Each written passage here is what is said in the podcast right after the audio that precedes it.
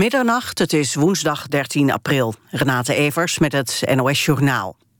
Het blijft onduidelijk wat er precies aan de hand is op Schiphol. De marechaussee zegt dat er een verdachte situatie is. Een deel van Schiphol Plaza is ontruimd. Er is iemand opgepakt en op de plek van de aanhouding... doen bomexperts onderzoek met een robot. Of er een bommelding is gedaan of een verdacht pakketje is, is onduidelijk. Later zijn nog eens twee mensen gearresteerd. Er lopen zwaar bewapende marechaussees binnen en buiten rond... met bivakmutsen op en kogelwerende vesten aan. Veel passagiers staan binnen en buiten te wachten. Het vliegverkeer gaat nog wel gewoon door. De Turkse ambassadeur in Nederland ontkent dat Turkije vluchtelingen terugstuurt naar Syrië. Volgens hem krijgen de vluchtelingen tijdelijke bescherming, zoals dat in internationale akkoorden staat. De grote hoeveelheid Syrische vluchtelingen in Turkije is daar volgens de ambassadeur het bewijs voor. Hij reageert daarmee op een reportage van NOS-correspondent Lucas Waagmeester.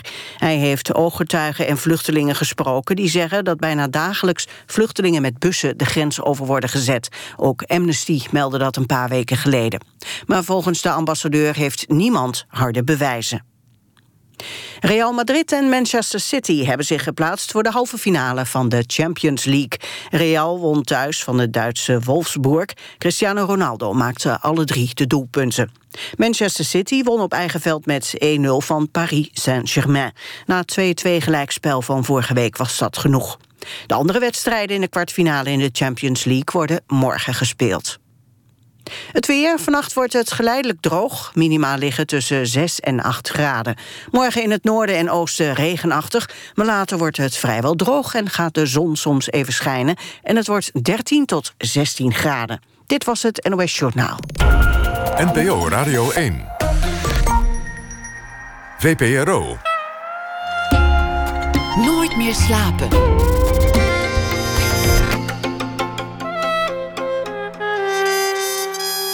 Met Pieter van der Wielen. Goedenacht en welkom bij Nooit meer slapen. Straks na 1 uur komt Stevie N op bezoek. Ze heeft een nieuw album en sinds ze in het Nederlands zingt, heet ze ook weer Stephanie Struik. Een gesprek en een lied zal ze zingen na één uur. Een gesprek dan ook met Paul Scheffer. Hij schreef het essay van de Maand van de Filosofie over de betekenis van de buitengrens. En dat is op heel veel manieren een heel actueel thema. We beginnen met Jaap Drupsteen het eh, komend uur. Wie de gulden nog mist, en dat zijn er vele tegenwoordig, zou het ook kunnen doen naast politieke en economische redenen vanwege de schoonheid van de biljetten. De ijsvogel, de snip. Het waren allemaal ontwerpen van Drupsteen. Maakte hij postzegels, paspoorten, videoclips voor de band Doe Maar in de jaren 80, televisieprogramma's, de leaders van de VPRO in de jaren 70, maar ook de gevel van het Instituut voor Beeld en Geluid hier in Hilversum. Dat was een collage van beroemde televisiemomenten, waaronder de traan van Maxima. Drupsteen wilde ooit muzikant worden. Hij maakte later ook beroemde visualiseringen van stukken van Stravinsky en Berio. En op zijn 74ste heeft hij flinke belangstelling voor de dancemuziek. Hij maakte visuals bij danceparties. Twee tentoonstellingen zijn er momenteel te zien. Eén in Enschede in het Rijksmuseum. Een nieuwe zaal met beats en beelden die synchroon lopen. En in Hilversum is een tentoonstelling met veel oud werk. Een... Uh, greep uit de highlights van een carrière van 40 jaar in de vormgeving. Hartelijk welkom, Jaap Drupsteen. Dankjewel. Die gulden was echt prachtig. Eh, ze, liggen dan nu in een vitrine als, als een uh, historisch artefact, eigenlijk als een, als, een, als een kunstwerk. En ik keek ernaar en ik dacht, wat was dat mooi geld om naar te kijken. Bijna te mooi om, om uit te geven. Vooral het briefje van duizend. Die heb ik in de tijd nooit vast mogen houden. Dat duizend gulden, dat zou nu iets van 5000 euro zijn, denk ik. Uh, misschien. Dat, dat is waarschijnlijk het meest geziene ontwerp dat je, dat je hebt gemaakt in, in de loop der jaren. Of is er iets dat ik over het hoofd zie? Uh, nee, nee, dat zouden die bankbiljetten wel eens kunnen zijn. Het paspoort zou ook nog kunnen. Oh ja, maar die heeft ook iedereen dat is wat minder prominent. Ja. Ik moet nog wel een kleine correctie uh, aanbrengen. Want de snip en de vuurtoren heb ik niet ontworpen. Die zijn nog ontworpen door mijn voorganger. De ijsvogel en de... De ijsvogel wel. De tientje heb ik wel ontworpen. Dus ik heb de abstracte ontwerpen uh, gemaakt. En de, de andere twee die er nog waren zijn van Oxenaar, mijn voorganger. En daarna eh, de allerlaatste reeks. Want, want Ja. een paar jaar voordat de gulden verdween, is, is er nog een nieuw tientje gekomen. Ja, Die heb je ook nog gemaakt. ja, ja. Voor we het gaan hebben over het ontwerpen van geld, het ontwerpen van paspoorten en, en televisieprogramma's, wil ik eerst weten hoe het allemaal begon. Want, want ik zei dat je eigenlijk ooit muzikant had willen worden. Hoe, hoe ver ging die ambitie? Eh, nou, dat was niet. ehm, ik wilde het allebei worden. Ik wil- Muzikant ik wilde, ja, ik wilde, ik wilde beeld en geluid maken op de een of andere manier. Ik snap ook niet waarom, want het was totaal irreëel destijds. Maar ehm, ik kon het niet laten. Dus ik ben. Nou ja, we- weet je, ik werd ehm, eerst achter het harmonium eh, gestuurd toen ik jong was. Vanwege mijn afkomst, zal ik maar zeggen. Dan weet ik meteen En- dat het een, een beetje Calvinistische omgeving was. Ja, ja, ja, Ja. dat klopt. En daarna ben ik gitaar gaan spelen. En, maar de contrabas die, eh, heeft me altijd zeer eh, bekoord op de een of andere manier. Dus ik ben, eh, zodra de kans zich voordeed, contrabas gaan studeren. Terwijl ik op de kunstacademie zat in Enschede, studeerde ik s'avonds contrabas. Net zolang tot ik het goed genoeg kon om jazzbassist te worden. En dat ben ik een tijd lang allebei geweest. En, ehm, en het is nooit meer overgegaan. Dat wil zeggen, de muziek is nooit meer overgegaan. Dus ik heb de, de draad weer opgepakt zodra er muziek op computers gemaakt kon worden. En toen heb ik dat erbij gedaan, vaak. De muziek is altijd gebleven, het vormgeven is altijd gebleven. En een van de rode draden in je werk is altijd om de twee synchroon te laten lopen. De, de muziek en het geluid. Ja, dat is later gekomen. Maar dat, dat, eigenlijk is het, is het verband groter. Ik, wil, ik, heb, ik vind heel vaak dat eh, beeld bij muziek eh, eerder storend is dan, dan ondersteunend. Ehm, het is een soort reportage meestal. Je ziet, je ziet eh, de muzikant die het hardste speelt, zal ik maar zeggen, of het hardste zingt, die zie je altijd. En de goede begeleiding of de, de, de, eh, het verloop van een arrangement of de ontwikkeling van een stuk zie je eigenlijk nooit gevisualiseerd. Maar dat is dat is zeg maar de grote omtrekkende beweging. Wat er later kwam, eh, dat kwam eigenlijk door mijn zoon... die me mees- mee eh, naar de danswereld. Want hij, we werkten een aantal jaren samen. En ehm, hij wilde VJ'en. Dus het vertonen van video's bij dansmuziek. En dat vond ik wel leuk. Dus ik, ik ging meedoen. En ik raakte daar ook in, ook verzeild. En... ehm, en ik, ik vond het verschrikkelijk aanvankelijk. Ik schrok me helemaal rot. Het was keiharde Italiaanse house. En dat, dat ging een beetje ver. Dus het was wel een soort cultuurshock. Maar ehm, ik, ik luisterde, want ik, ik weten hoe dat... Het intrigeerde me toch, omdat er zoveel mensen door eh, aangestoken werden. Dat kon je goed zien natuurlijk. En... ehm, kortom, ik stond er om vier uur nog en ik ging helemaal niet naar huis en ik bleef gewoon doorgaan. Eh, eh, eh, het volgen. En toen. eh, het enige, dus ik ben mee gaan doen. Ik heb allerlei motion graphics gemaakt die op die dansfeesten vertoond werden. En ik heb er ook zelf gedraaid. Ik weet nog dat ik op mijn 60ste verjaardag in de rij stond een heel groot eh, dansfeest eh, te VJ'en. En dan eh, eh, visuele eh, dingen maken op die muziek die, die ook kloppen met dat beeld. Die, die in Ja. de beat Ja, vallen. Ja, dat, is inderdaad het stukje wat nog ontbrak aan mijn iets te uitgebreide verhaal, denk ik. Ehm, nee, die synchroniteit die is, die bleek heel belangrijk. Want wat ik eh, frustrerend vond aan dat vertonen van video bij eh, dansfeesten, is dat, dat, dat beeld en geluid eigenlijk heel weinig met elkaar te maken hadden. En dat komt omdat die, die beat nooit door de video wordt opgepikt. Het kan zeker helemaal niet live.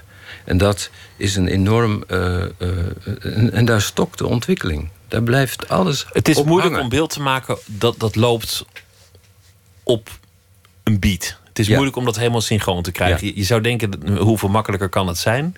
Ja. Maar, maar dat, is, eh, dat is juist heel ingewikkeld. Ja. Je hebt eh, kort voor deze uitzending zelf een fragment eh, opgestuurd van geluid. Dat, dat je graag wilde laten horen. Dat gaan we luisteren. Ik wilde eerst iets vertellen over de tentoonstelling in Enschede. Ik ben daar gisteren eh, naartoe gegaan. Dan heb je in de ene zaal een tentoonstelling van de 18e eeuwse portret- en landschapsschilder Gainsborough. Prachtige 18e eeuwse portretten.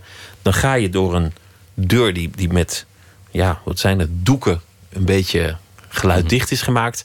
En dan kom je zalen in met onder je, boven je, naast je, overal die, die visualisaties die de hele muur, de hele zaal in beslag nemen.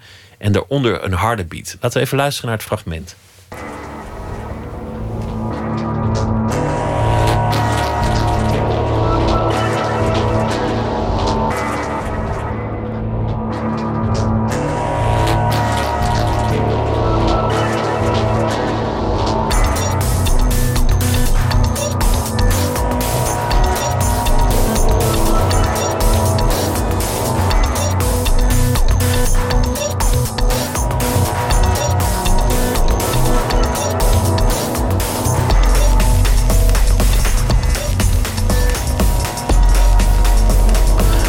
We nu? Wat, wat is dit? Dit is muziek uit de tentoonstelling in Enschede. Heb je die muziek ook zelf gemaakt of is dat, is dat van iemand anders? Nee, die heb ik zelf gemaakt. En wat je dan het. ziet, dat zijn, ja, ik, ik kan het niet zo goed omschrijven. Misschien kun je dat zelf beter doen. Hoe je die visualisaties moet omschrijven. Ja, ehm, nou ja, je ziet eigenlijk grote abstracte structuren die ehm, op de beat bewegen, maar ook ehm, details uit het geluid oppikken. De, laat ik maar zeggen, de, de, muziek, de dichtheid van de muzikale structuur zie je ook gevisualiseerd. En als het goed is, zie je ook dat, die, eh, dat zowel de muziek als het beeld echt in elkaar kruipen. Dat het een eenduidige beleving wordt. En dat is wat me zo interesseert. Want het is, dat blijkt een enorm gebied te zijn. Dus pas als je die, ehm, die synchroniteit beheerst, dan verschijnt er een hele wereld met allerlei nieuwe mogelijkheden. En dat is een, natuurlijk buitengewoon interessant, alleen al voor het, voor het hele vakgebied, vind ik zelf. Het is een En- vrij technisch eh, eh, ding. Hoe, hoe krijg je muziek en, en geluid volledig, of muziek en beeld volledig geïntegreerd? Hoe doe je dat? Dat is een vrij technisch iets, maar jij ziet het echt als een innovatie voor de hele ontwerpwereld. Als een ontwerpopdracht die ook anderen verder helpt. Dat zou ik me kunnen voorstellen, in elk geval. Ik bedoel, het, eh, ehm, ik zie er een ei- eindeloze mogelijkheden in en ook toepassingen ehm, voor. Je, je, je hebt. eh, eh, kijk, kijk, we hebben beeld en geluid. Dat hebben we altijd. Heel vaak. eh, Er bestaan videoclips. Waarom? Waarom moet er nou een beeld bij muziek als die muziek toch al goed is? Maar op de een of andere manier is dat een, kennelijk een elementaire behoefte. En als het dan altijd eh, ja, filmpjes moeten zijn die verwijzen naar naar andere filmwereld eigenlijk. Want het zijn altijd hele eh, korte fragment, fragmenten uit iets wat lijkt op een drama, wat we verder ook niet kennen. Dat is, dat is een hele wereld geworden. Dat gaat nog steeds door. Er moet altijd een videoclip bij een, eh, een, een, een song.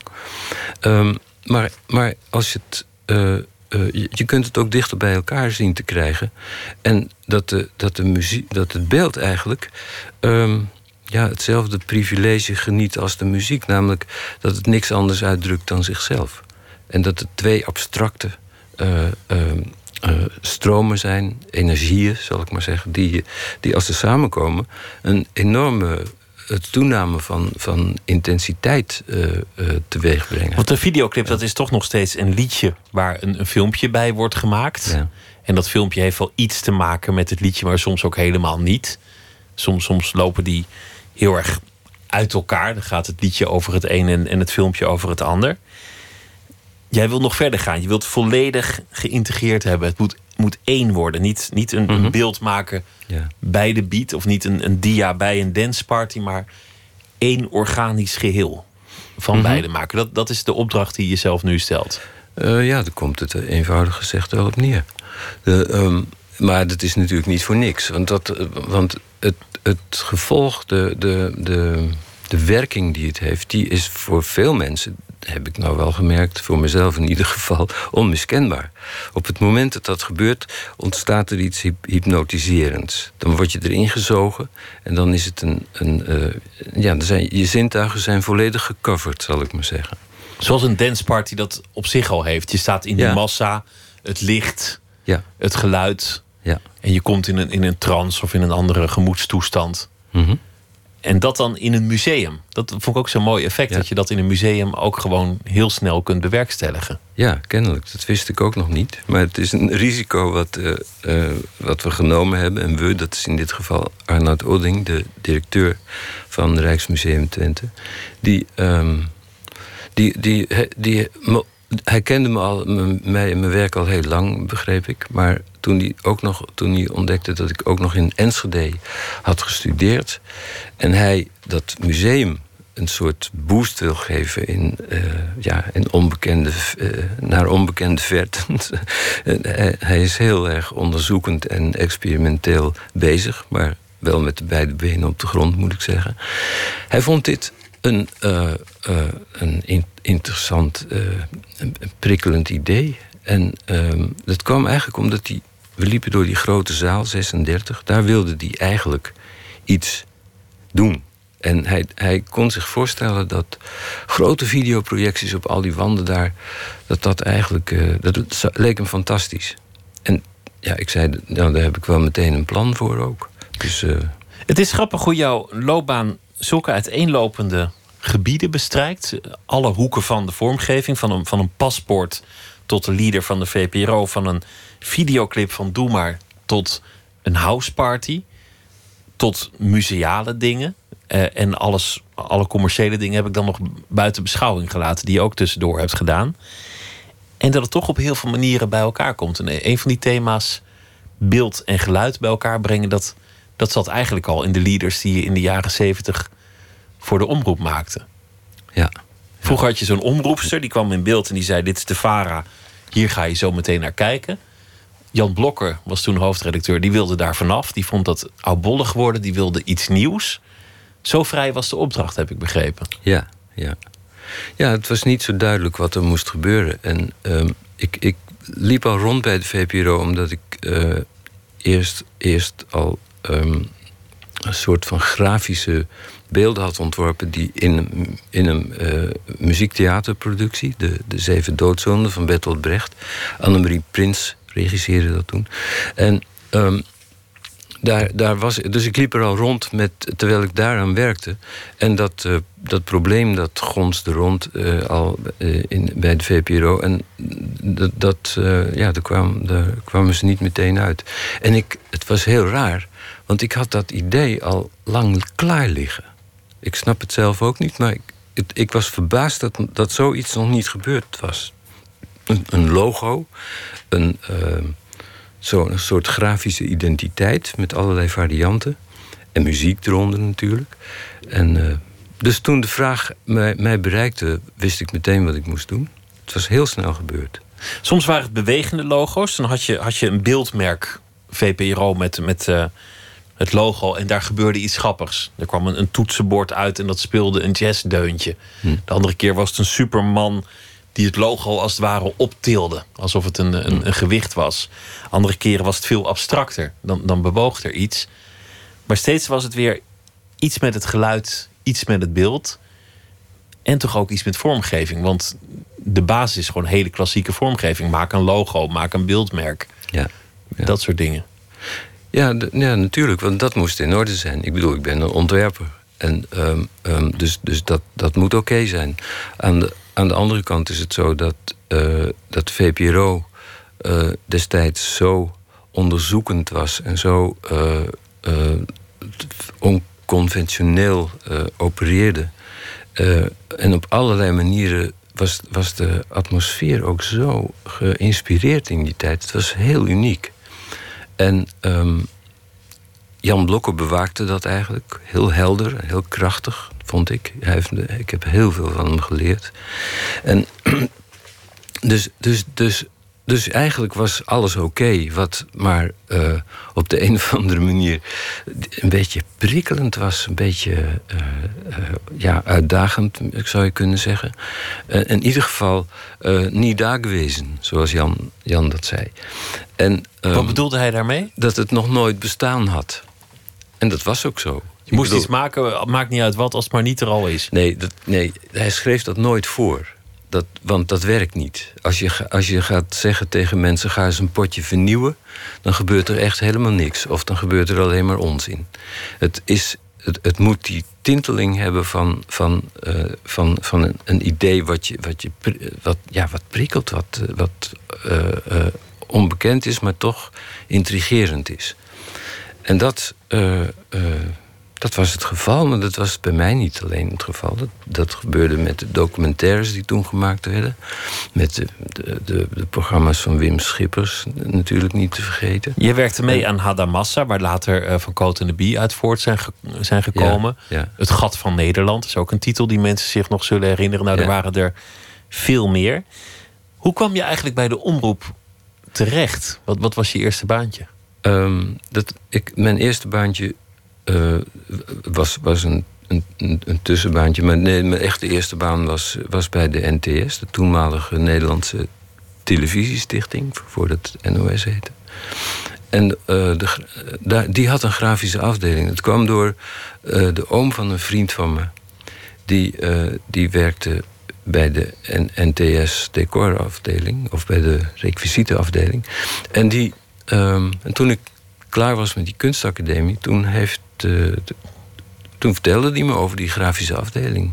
En ik, dacht, ik wist meteen, dat, dat, daar moet ik wezen. Dat moet ergens in halverwege de jaren zestig zijn geweest. Ja, zoiets. Klopt, ja. Maar toen had je een, een vrij eenvoudige functie nog. Er stond nergens: ga, ga leaders maken voor omroep. of ga het logo van een omroep ontwerpen. of ga zelf programma's maken. Nee, nee, ik werd aangenomen om uh, titelkaarten te maken. Dus die, dus die werden toen gedrukt op een soort hotpress. Een, een, een preegsysteem met hete lettertjes die je op een folie op, op die zwarte titelkaarten, die achtergronden drukte. En die werden voor de camera gehouden. En, uh, daar, daar, daar moeten, als, als een, bordje, een bordje met iemands naam en titel erop. Ja, ja, ja. Ook ondertitels. Alles, alles moest eerst geprint worden, dan voor de camera gehouden worden. En dan bestond het pas. Dan, zit, dan zitten we meteen uh, in het hart van de techniek. Namelijk print je een kartonnetje dat je voor de camera houdt. Hmm. Of, of maak je animaties die samenvallen met, met geluid. Hoe, vond je dat uit? Hoe ben je daarmee aan de slag gegaan? Want als niemand het ooit gedaan had, van wie kon je het dan leren? Nee, nee, nee dat, dat bestond wel. Nee, het, het, die kaartjes het ging, ja, maar, maar wat je daarna ging, ging, doen bedoel ja, ik. Wat, wat ik inhoudelijk daarna deed, dat was, dat was inderdaad uh, iets, iets heel anders. Nee, um, uh, uh, de grafische technieken en de grafische productiemethoden... die bleven tot um, eind jaren zeventig... en nog een flink stuk in de jaren tachtig... moest je toch dat allemaal met de hand tekenen, schilderen. Uh, letters, als het grotere letters waren, met de hand uh, verven. Weet je. En dat was allemaal heel ambachtelijk. Dus ik had een heel atelier met mesjes en, en, driehoeken en, en een airbrush vooral. Dat werkte fantastisch voor televisie. En, um, en die tekeningen die hangen nu momenteel ook in, in Hilversum. Die airbrush tekeningen. Die werden voor de camera gehouden en dan was het ineens een hele wereld. En als je daar dan weer mensen voor chroma, met chroma key uh, schakelde, dus dat, een, die liepen voor een blauwe kleur en dat, het blauw viel weg en werd ingevuld door zo'n achtergrond die ik had getekend, dan liepen er ineens mensen in mijn tekening. En die kon ik er doorheen laten lopen of achter pilaren langs. Dat deed je met maskers en zo. En een vergelijkbaar beeld dat, dat veel mensen zich toch zullen herinneren, dat was in Engeland Monty Python. Ja. Die hadden altijd animaties in hun programma tussen de sketches door. Maar daar was dat strikt gescheiden. Het ene deel was animatie, het andere deel was gespeeld. Hm. Wat jij deed was het in die tijd al door elkaar laten lopen. De acteurs en de animaties die ontmoeten elkaar. Ja. Was, dat, was dat moeilijk om, om dat voor elkaar te krijgen met de technieken van toen? Computers bestonden niet. Nee. Uh, nou ja, ja, het was wel een soort van lastig. Maar omdat het nooit. omdat, je, omdat het nooit. Eh, je had het nooit gezien. Dus het, het, was al, het maakte me nieuwsgierig. Wat zou er gebeuren als ik dit. Wat zou er gebeuren als ik dat. Wat, uh, hoe moet het eruit zien? Hoe moeten mensen zich gedragen? Dat bleek een heel nieuw probleem te zijn. Je kon, mensen, je kon helemaal geen naturel acteerwerk gebruiken. Alles moest eigenlijk gestileerd worden. En het was een soort hyperwerkelijkheid die, uh, die vaak de mensen overschreeuwde die erin rondliepen. En, uh, uh, dus het was intrigerend om te doen en fantastisch om te zien. En het maakte ook heel veel indruk, want mensen snapten niet dat het niet echt was. Dus die dachten dat een heel landschap wat vol met, met vakken was getimmerd. Tot in de verste verte. Dat het echt was. Dat daar een waanzinnige decorbouwer aan de slag ja, was ja, geweest. Dat, ja, dat moet verschrikkelijk duur zijn geweest. Maar hoe, hoe kreeg je het voor elkaar om, om zulke dingen te maken? Want je zei, ik begon met titelkaarten. Dat was, Ja. dat was mijn baan. Ja. Gewoon vormgever in dienst van, van de, van de Mm. omroep. Vervolgens ben je programma's gemaakt met dingen die Nederland nog nooit had gezien. Hoe Ja. kwam die stap? Nee, wat waar experimenteerde Dat- je? Want hoe kon je iets laten zien aan iemand die jou dan toestemming gaf? Ja, nou, het was niet één stap hoor. Het waren een heleboel kleine stapjes. En zelfs. eh, nee, ik- het, het, ehm, het kwam eigenlijk door de komst van de kleurentelevisie. Toen dat ge- gebeurde en toen ik daar kwam, was er nog zwart-wit televisie. Maar de kleurentelevisie kwam. ehm, jaartallen weet ik nooit meer. Het zal eind, eind jaren zestig zijn geweest. En. ehm, daar kon je. Toen, en de grafische afdeling waar ik toen werkte, die was toevallig, dat is hier vlakbij, daarachter ergens, ehm, waren de studio's. En da, da- dan liep er een lange gang langs al die studio's. En aan de andere kant, van, eh, aan die gang, aan de andere kant, was de grafische afdeling. Daar hadden wij onze kamers. Dus ik hoefde maar een gang over te steken en een deurtje door. En dan was ik in zo'n splinternieuwe kleurenstudio. En daar waren de technici toen aan het experimenteren. Want ehm, ja, je kon daar van alles mee. Je kon dat blauw wegkiezen en dan kon je daar van al- alles invullen. Dan kon je het beeld nog vervormen op een bepaalde manier. Je had zogenaamde wipes, dat je het beeld met een vorm heen en weer kon laten schieten. Je kon de kleuren veranderen. Het was waanzinnig. En de enige die er toen, eh, of de enige, maar vooral de belangrijkste in die tijd die daar veel mee deed, was Bob Royens. Die, die, die, die opende me echt de ogen. Want ik dacht, ja, maar dit is ongelooflijk. Dit is een, een wereld waar je, die grenst aan mijn wereld ook vooral. Van de je, vormgeving. Omdat je, ja, je, je, je, je, je neemt daar van allerlei maatregelen die een soort eh, grafische discipline vereisen, eigenlijk. Dus daar, daar, dat is interessant. Dat moeten wij dus doen. Dat wij, wij grafisch ontwerpers voor televisie moeten ons bezighouden met het manipuleren van beelden, terwijl ze met, van bewegende beelden. En daar moeten we ontwerpen voor maken. Lang voor de computer Ja. eh begonnen voor- jullie ja. al met, met dit soort eh, technieken. Er is eh, nieuws vanaf eh, Schiphol, waar eh, eerder vandaag een eh, verdachte situatie was op eh, Schiphol Plaza. En we gaan nu horen hoe het eh, er verder daar eh, toe staat. Ja, Pieter, eh goeienacht. Die verdachte situatie hier op Schiphol is er nog steeds. Het wordt langzaam duidelijk wat de marechaussee hier aan het doen is. Ehm, er is dus een bomdreiging, een bomzoeking binnen in Schiphol Plaza. Maar ook hier buiten nu een auto van het luchthaventerrein afgehaald. Het is een eh, donkergroene Opel Vectra zo te zien. In ieder geval een donkergroene Opel met Belgische kentekenplaten. En eh, vier mannen daarin van Noord-Afrikaans afkomst. Die mannen die zijn uiteindelijk uit de auto gehaald. Worden nu aan de overkant van de weg eh, gefouilleerd. En moeten dan meelopen met de marechaussee. Het gaat er anders aan toe dan bij de eerdere aanhoudingen. Want hier is men toch wat relaxter lijkt het. Ze worden niet meteen in de boeien geslagen. Maar er wordt gepraat. Er wordt overlegd. Maar die auto is dus wel van de weg gehaald. Eh, een, Belgische auto dus. Met Noord-Afrikaanse heren daarin met rugtassen. Die eh, nu worden weggeleid door de marechaussee. En ik blijf het zeggen, het is een hele rare situatie. Want die auto die wordt dus omringd door zwaar bewapende agenten. En daar wringen zich dan weer mensen tussendoor die met koffertjes aankomen. Omdat ze hier net van Schiphol afkomen.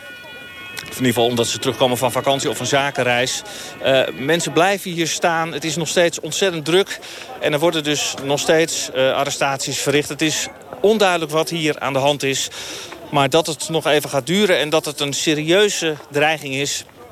Ja, dat lijkt wel duidelijk gezien de inzet en dus die eh, arrestaties... die ook net weer een paar minuten geleden hier verricht werden. Vier heren die meegenomen werden en een auto die nu dus nader onderzocht wordt.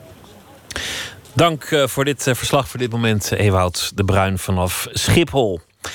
Binnenkort komt een nieuw album van de Amerikaanse zanger Sturgill Simpson. En daarop staat ook een uitvoering van een stuk van Nirvana in Bloom.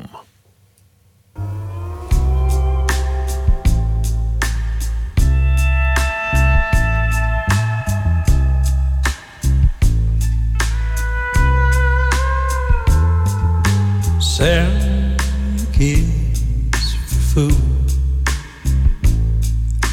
Where the changes move. Spring is here. Reproductive land.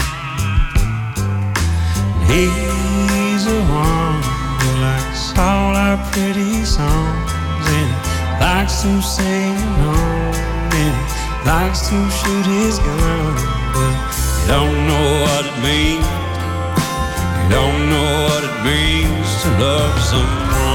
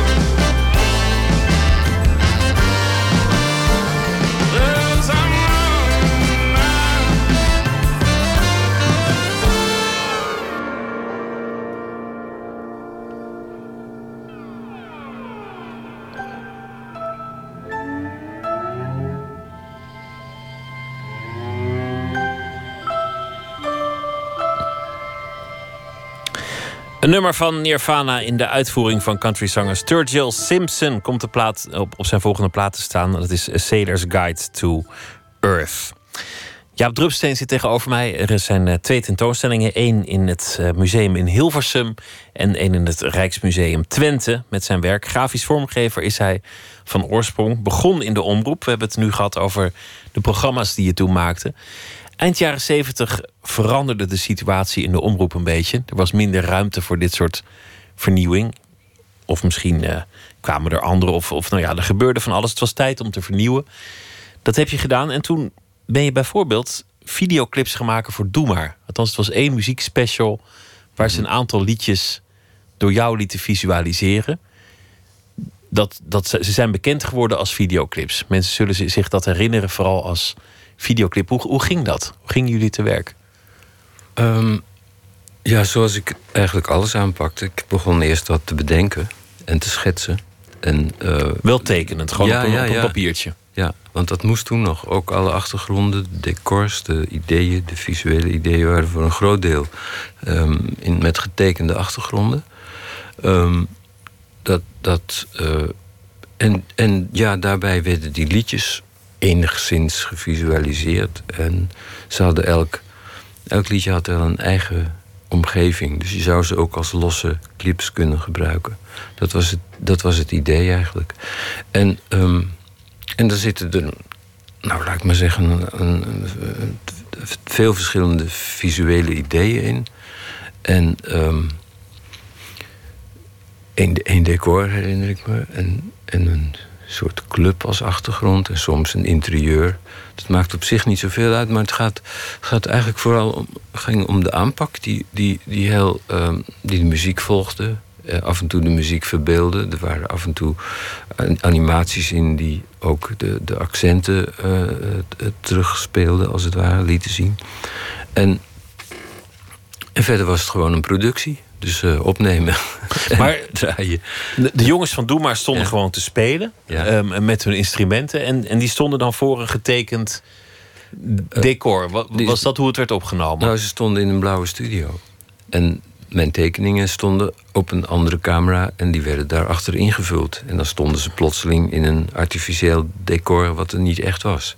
Want tegenwoordig wo- worden, worden heel veel programma's zo opgenomen. Elke Ja. correspondent die je ziet staat ook voor een groen of blauw scherm met een Ja. visualisatie van eh, Parijs of welke Ja. stad dan ook. Ja, precies. Dat is tegenwoordig hoe je tv maakt. Maar toen was dat relatief zeldzaam, denk ik. Eh, ja, het werd niet veel gedaan. En eh, dat kwam eigenlijk ook omdat het lastig was. En er was niet veel kennis van zaken daaromtrent. En dat moesten we ook allemaal uitzoeken natuurlijk. Want heel vaak zag het er niet uit.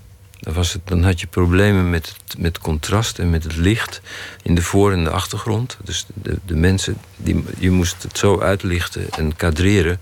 dat het ook een geheel werd met de achtergrond. En, en plotseling een geloofwaardige soort eh, neprealiteit werd. En, en, dat, eh, eh, en da- daar heb ik me toen behoorlijk in, ja, me wel mee bezig gehouden. En uitgevogeld, samen met belichters. Er waren één of twee belichters die, dat, die dat, dat ook interessant vonden. En als je pech had, trof je een belichter die er helemaal niks van snapte nog. Dan moest je het eigenlijk voorkouwen.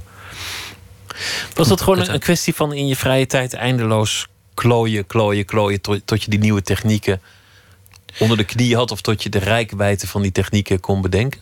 Nee, je kon het alleen maar in studiotijd doen. Dus, dus eh, met vallen en opstaan ontdekte je dan wat er kon en, en hoe het moest. En wat er niet En- kon vooral. Nee. En wat ik eigenlijk het, het meeste... Ik heb het meeste geleerd doordat ik ehm, eh, commerciële opdrachten ging doen. Dus ik kreeg, ik kreeg een opdrachten om commercials te regisseren... ehm, waar die techniek ook voor nodig was. Maar daar werden belichters ingevlogen uit Engeland. En die snapten daar veel meer van. En wat Dus voor, wat voor klussen waren dat? Een wasmiddel? Oh, nee.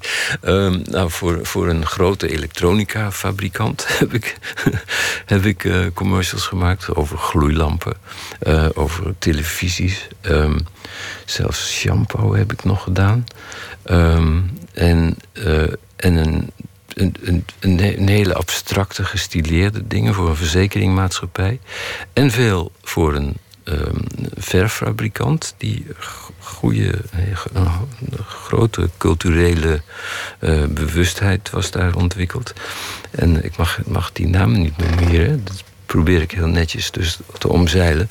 Maar daar heb ik eh, vrij veel ehm, uitlegvideo's voor gemaakt. Daarvoor zijn die technieken fantastisch. Omdat je abstracte begrippen kunt visualiseren... en, en die, als het ware, in een... En daar kun je een taal van maken. Dus je, je, je legt het uit in begrippen.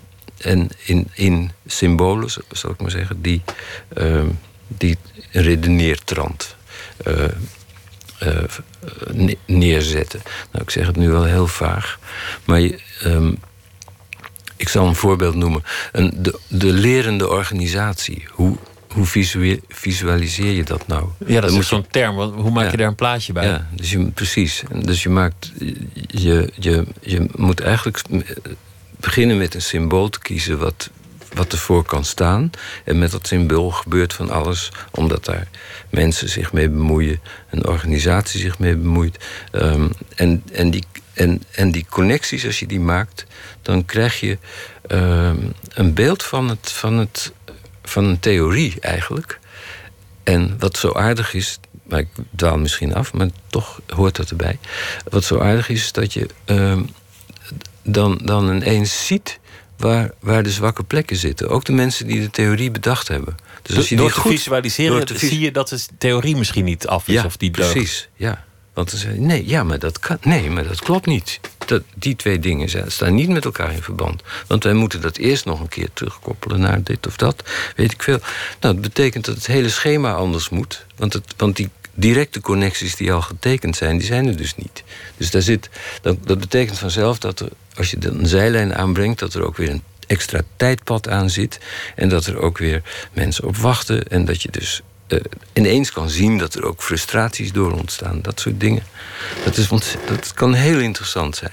De volgende stap die vond ik nog wonderlijker. Namelijk van de, de recalcitrante vrije VPRO, anti-establishment, naar het ontwerpen van het paspoort. Een hele prestigieuze opdracht.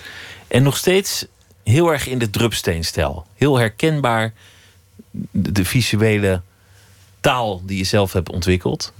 En het geld. Veel officiëler wordt het niet. De, de gulden. De guldenbriefjes. Je bouwde voort, zoals je terecht zei, op, op het ontwerp van je voortganger. Maar het, het was eigenlijk heel wild briefpapier.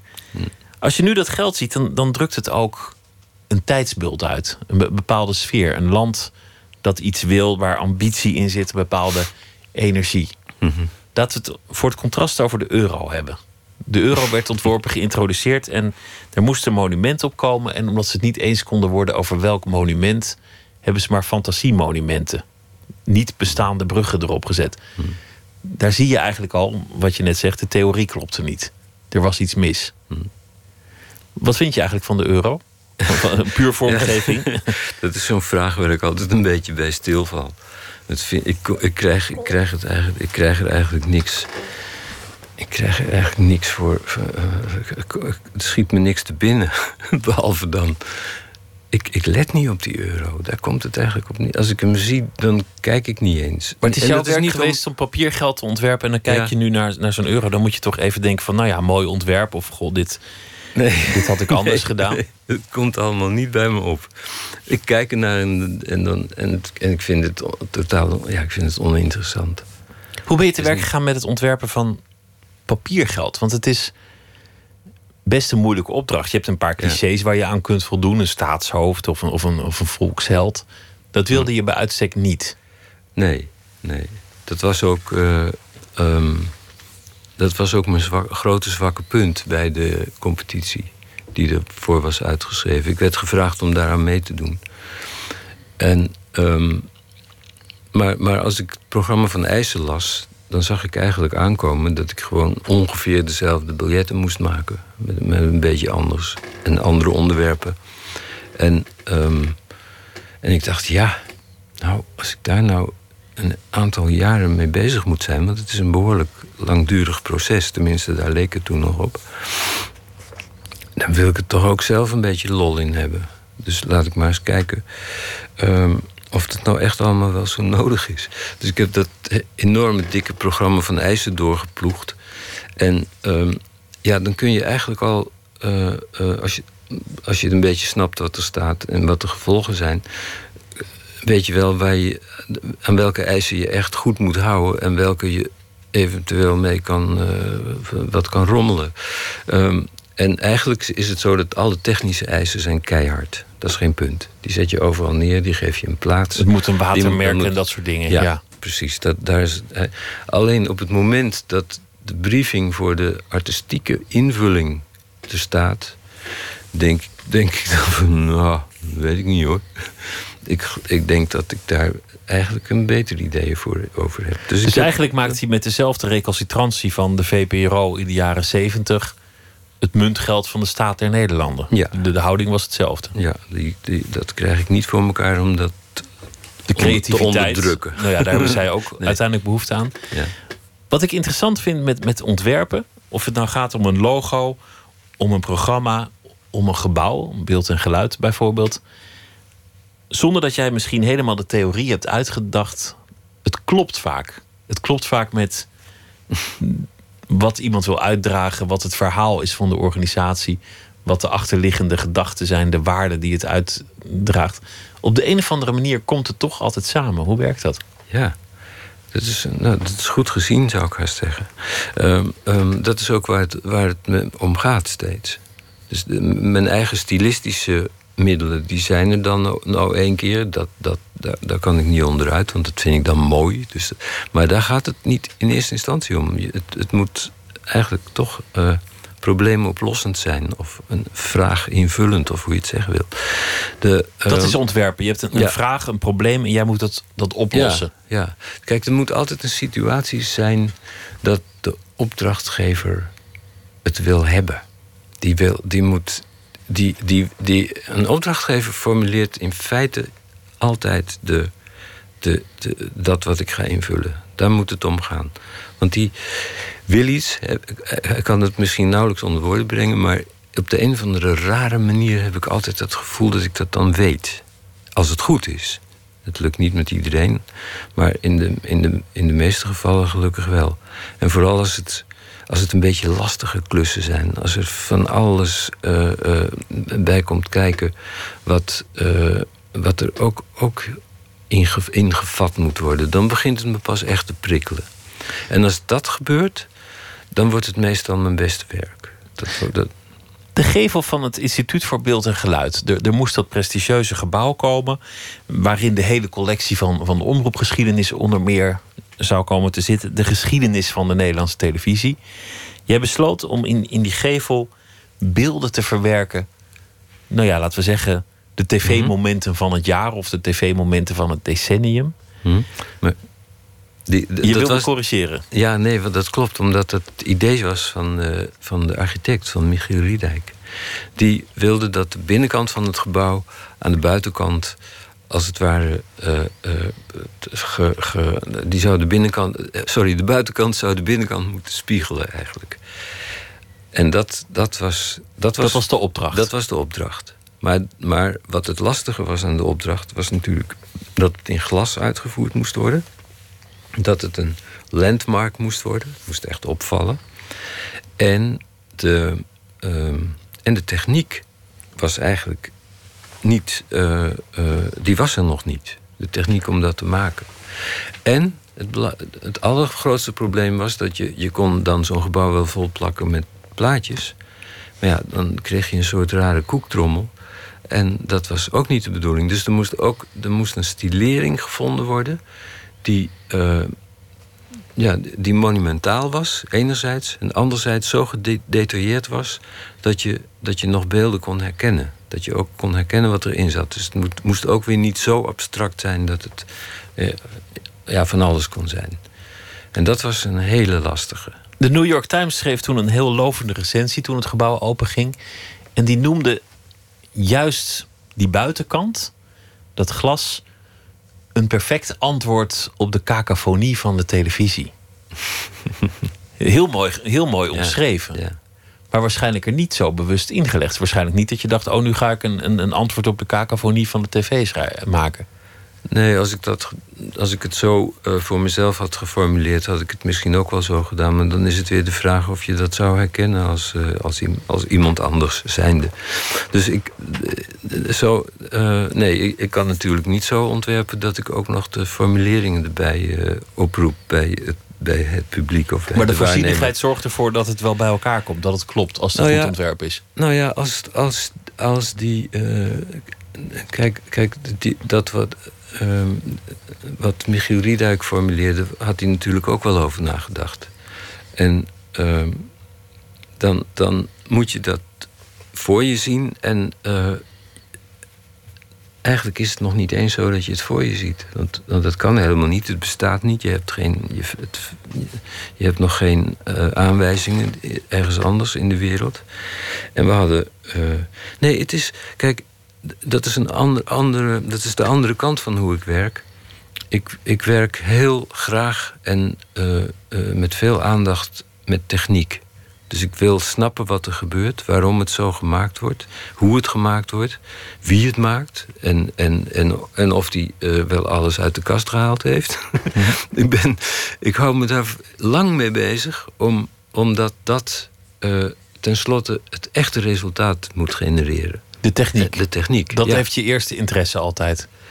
Tegelijk, ja. ja. Op het moment dat ik aan het werk ga of te maken heb met, eh, met de uitvoerders, dan, dan wil ik er alles van weten. En dan hou ik me daar ook heel erg mee bezig. Ik ga van allerlei tests maken vaak en, en, en vraag adviezen.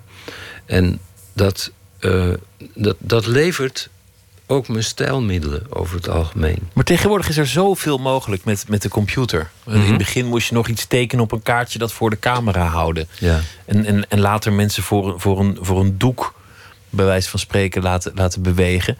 Nu kan je met de computer oneindig veel. Mhm. Toch ben je op zoek, zei je, naar die lacunes, wat, wat de computer nog steeds niet kan.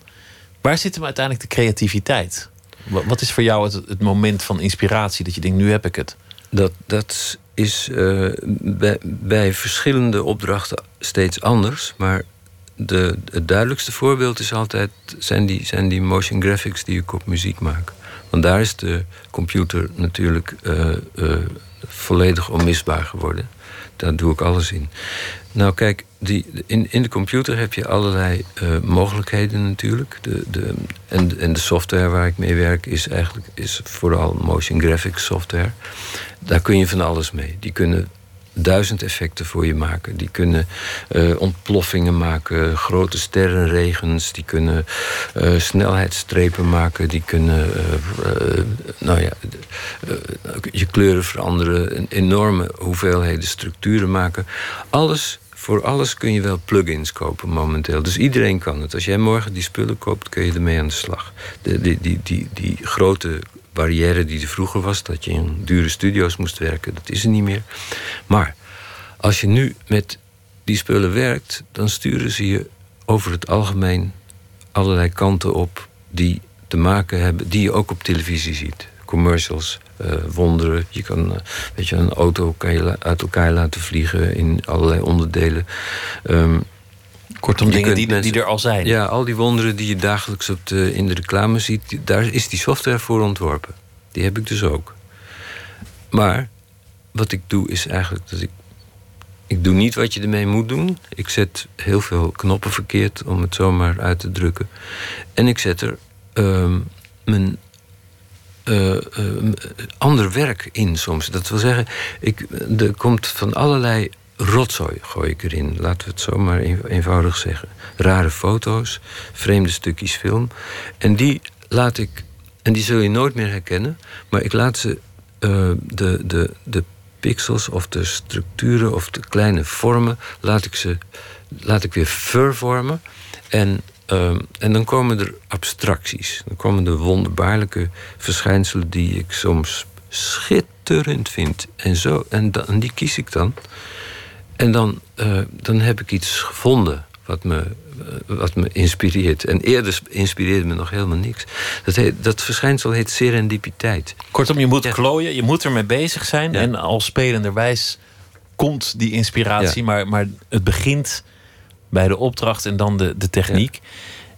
Het is nog geen overzichtstentoonstelling, maar toch een, een overzicht van een bijzondere carrière.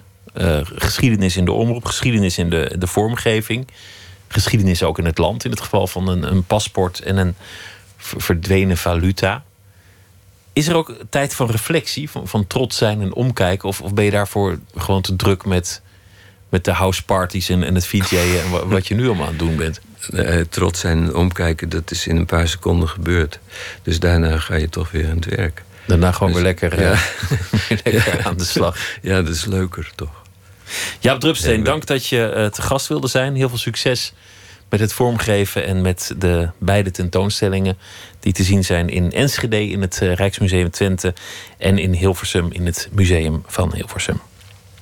Volgende week maandag wordt eh, in dit programma de aanmoedigingsprijs voor de reisjournalistiek uitgereikt. De VPRO Bagagedrager 2016. Vijf jonge schrijvers die dingen mee naar die prijs. En allemaal hopen ze uiteindelijk een bijzondere reis te mogen maken. We stellen deze week de genomineerden vast aan u voor. Ja, meneer Karjat is, springt er echt uit in dat stadje, Zachelen. Ehm, ja, zijn kleding is heel flamboyant. Hij heeft een, eh, een heel lelijk toepetje. Eh, eh, een soort, soort caviaatje lijkt het, wat op zijn hoofd zit. En hij heeft dus een enorme kunstverzameling in huis. En wij werden meegenomen naar zijn huis. En mijn vriend die zei al van, nou bereid je voor. En ik dacht, nou, het zal wel gewoon een mooi- mooie kleine verzameling zijn. Maar zijn hele huis staat vol met, met kunst en allemaal gekke, bijzondere objecten. En dat, eh, ja, dat was wel heel indrukwekkend. Ik, ik wist niet wat ik zag toen ik binnenliep. Lars ontmoette meneer Kayat een jaar geleden, toen hij op vakantie was in Libanon. Meneer Kayat is de oom van een vriend van Lars en hij verzamelt alle mogelijke kunst. Dat gaat echt van hele oude wapens tot eh, oude opgravingen van bepaalde Romeinse tempels, ruïnes die daar in de buurt liggen. Ehm, tot, tot oude geschriften, portretten, schilderijen van oude koningen. Dus het is van alles wat. Dat heeft hij in de loop van zijn leven verzameld. Dus dat, eh, en, en vooral uit het direct omliggende gebied, de Beka-vallei heet dat. Dus die kunstschatten die, eh, ja, die verzamelt hij vanuit de hele regio. En hoe hij dat precies doet en welke verhalen erachter zitten, dat weet ik dus niet zo. Want ik heb, toen ik daar was, wel tijd gehad om met hem te praten, maar ben daar niet heel diep op ingegaan. En pas later kwam ik tot de realisatie van: hé, hey, eigenlijk vind ik dat zo ontzettend interessant. Ik wil deze man veel beter leren kennen. Want juist op een plek waar zoveel gebeurt en waar ook zoveel eh, zwaar religieuze mensen wonen. Zagele is een voornamelijk christelijke plaats, eh, omringd door dan weer heel veel moslims. En dan zo'n flamboyante man die zo zijn eigen ding doet, ja, dat, dat vind ik eh, erg interessant. Lars wil niet alleen het verhaal van meneer Kayat vertellen, maar ook ingaan op de actualiteit. Want in Libanon zitten ongeveer een miljoen Syrische vluchtelingen. Ja, het bijzondere aan het plaatsje Zagele is dat het heel rustig overkomt in eerste instantie. Dus er gebeurt vrij weinig.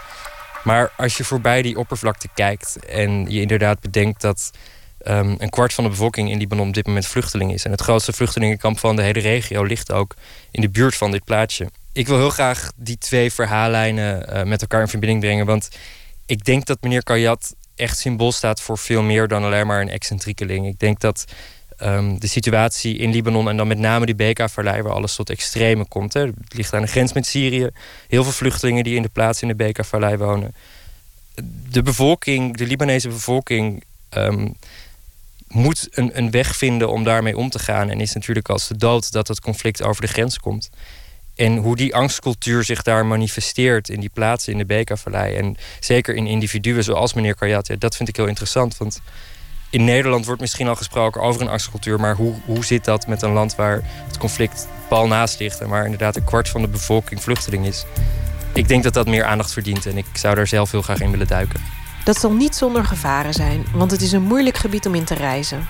De Bekervallei zelf is zeker niet veilig. Nee, het, is, eh, eh, wordt eigenlijk afgeraden om naar naartoe te gaan. Eh, ontvoeringen komen ook veel voor. Hezbollah is aan de macht. IS zit aan de grens daar. Maar het plaatsje Zagele is relatief een veilige haven. Wordt ook goed bewaakt. Dus daar kun je komen. En zodra je reist binnen dat gebied... Ja, dan moet je gewoon heel veel eh, van tevoren regelen. Weten, weten waar je heen gaat. Met wie je daarheen gaat. Eh, en een, een stukje risico eh, is er altijd. Als hij meneer Kayat terugziet, weet Lars al wat de eerste vraag is die hij wil stellen. Ben je bang? Ik denk vooral, ben je bang dat het cultureel erfgoed waar hij zijn, zijn ziel en zaligheid in legt, dat dat verloren zal gaan in de toekomst?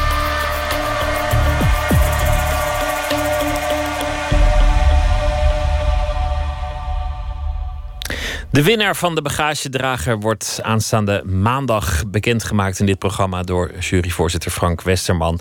Een verslag van Inge ter Schuren was dat. Zometeen in Nooit meer slapen, Paul Scheffer. Hij schreef een essay voor de maand van de filosofie over het belang en de omstredenheid van buitengrenzen en hoe het er eigenlijk eh, voor staat met de buitengrens in onze tijd.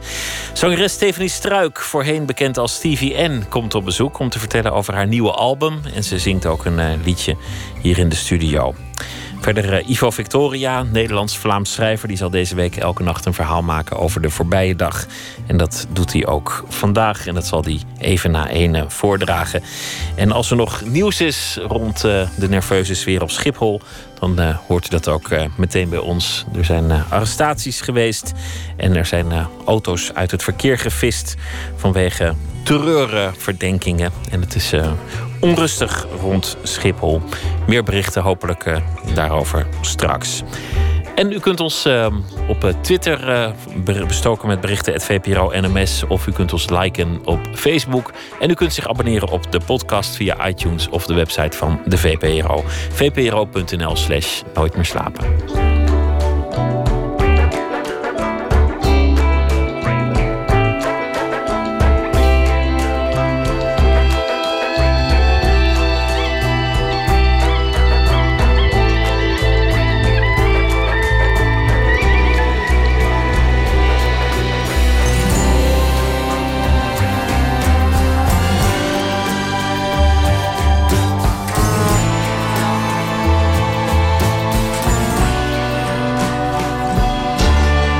Radio 1. Het nieuws van alle kanten.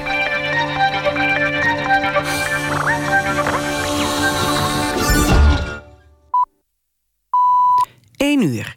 Renate Evers met het NOS Journaal. Op Schiphol zijn tot nu toe drie mensen gearresteerd... omdat er een dreiging is. Wat er precies aan de hand is, wil de marechaussee niet zeggen. Een deel van het winkelcentrum Schiphol Plaza... werd rond half tien ontruimd. Kort daarna werd een man gearresteerd... tussen het winkelcentrum en het parkeerterrein er tegenover. Een robot van de EOD onderzoekt zijn bagage. Tegen middernacht werden nog eens twee mensen opgepakt. Twee jonge mannen die een tas bij zich hadden. Bij Schiphol lopen zwaar bewapende marechaussees rond. Reizigers die op Schiphol zijn geland... Kunnen, via kunnen de luchthaven via de eerste verdieping verlaten.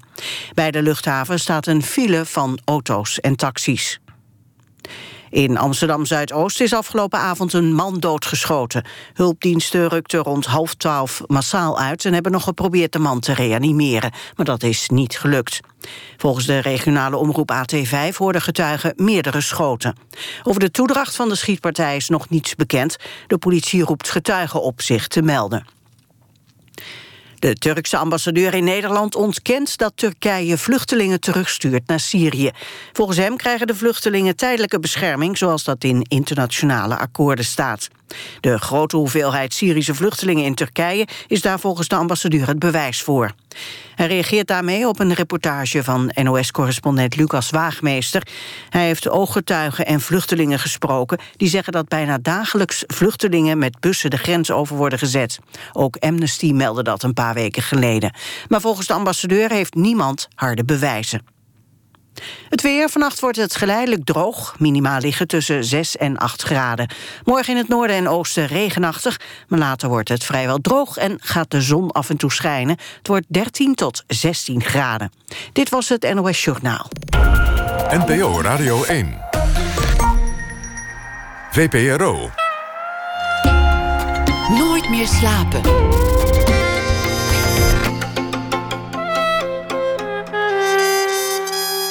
Met Pieter van der Wielen. Straks een gesprek met Paul Scheffer over zijn essay voor de maand van de filosofie. Een gesprek ook met Stephanie Struik, voorheen Stevie N, over haar nieuwe album. We beginnen met Ivo Victoria, een Nederlands-Vlaams schrijver die deze week elke nacht een verhaal zal maken over de voorbije dag. Ivo, goeienacht. Goedenavond. Vertel eens, Ivo, over eh, de dag die achter je ligt. Want eh, ik vroeg me af of je al iets gevonden hebt dat je Ja. kon inspireren tot een verhaal. Zeker, zeker. Het was een eh, beduidend minder moeizame dag dan gisteren.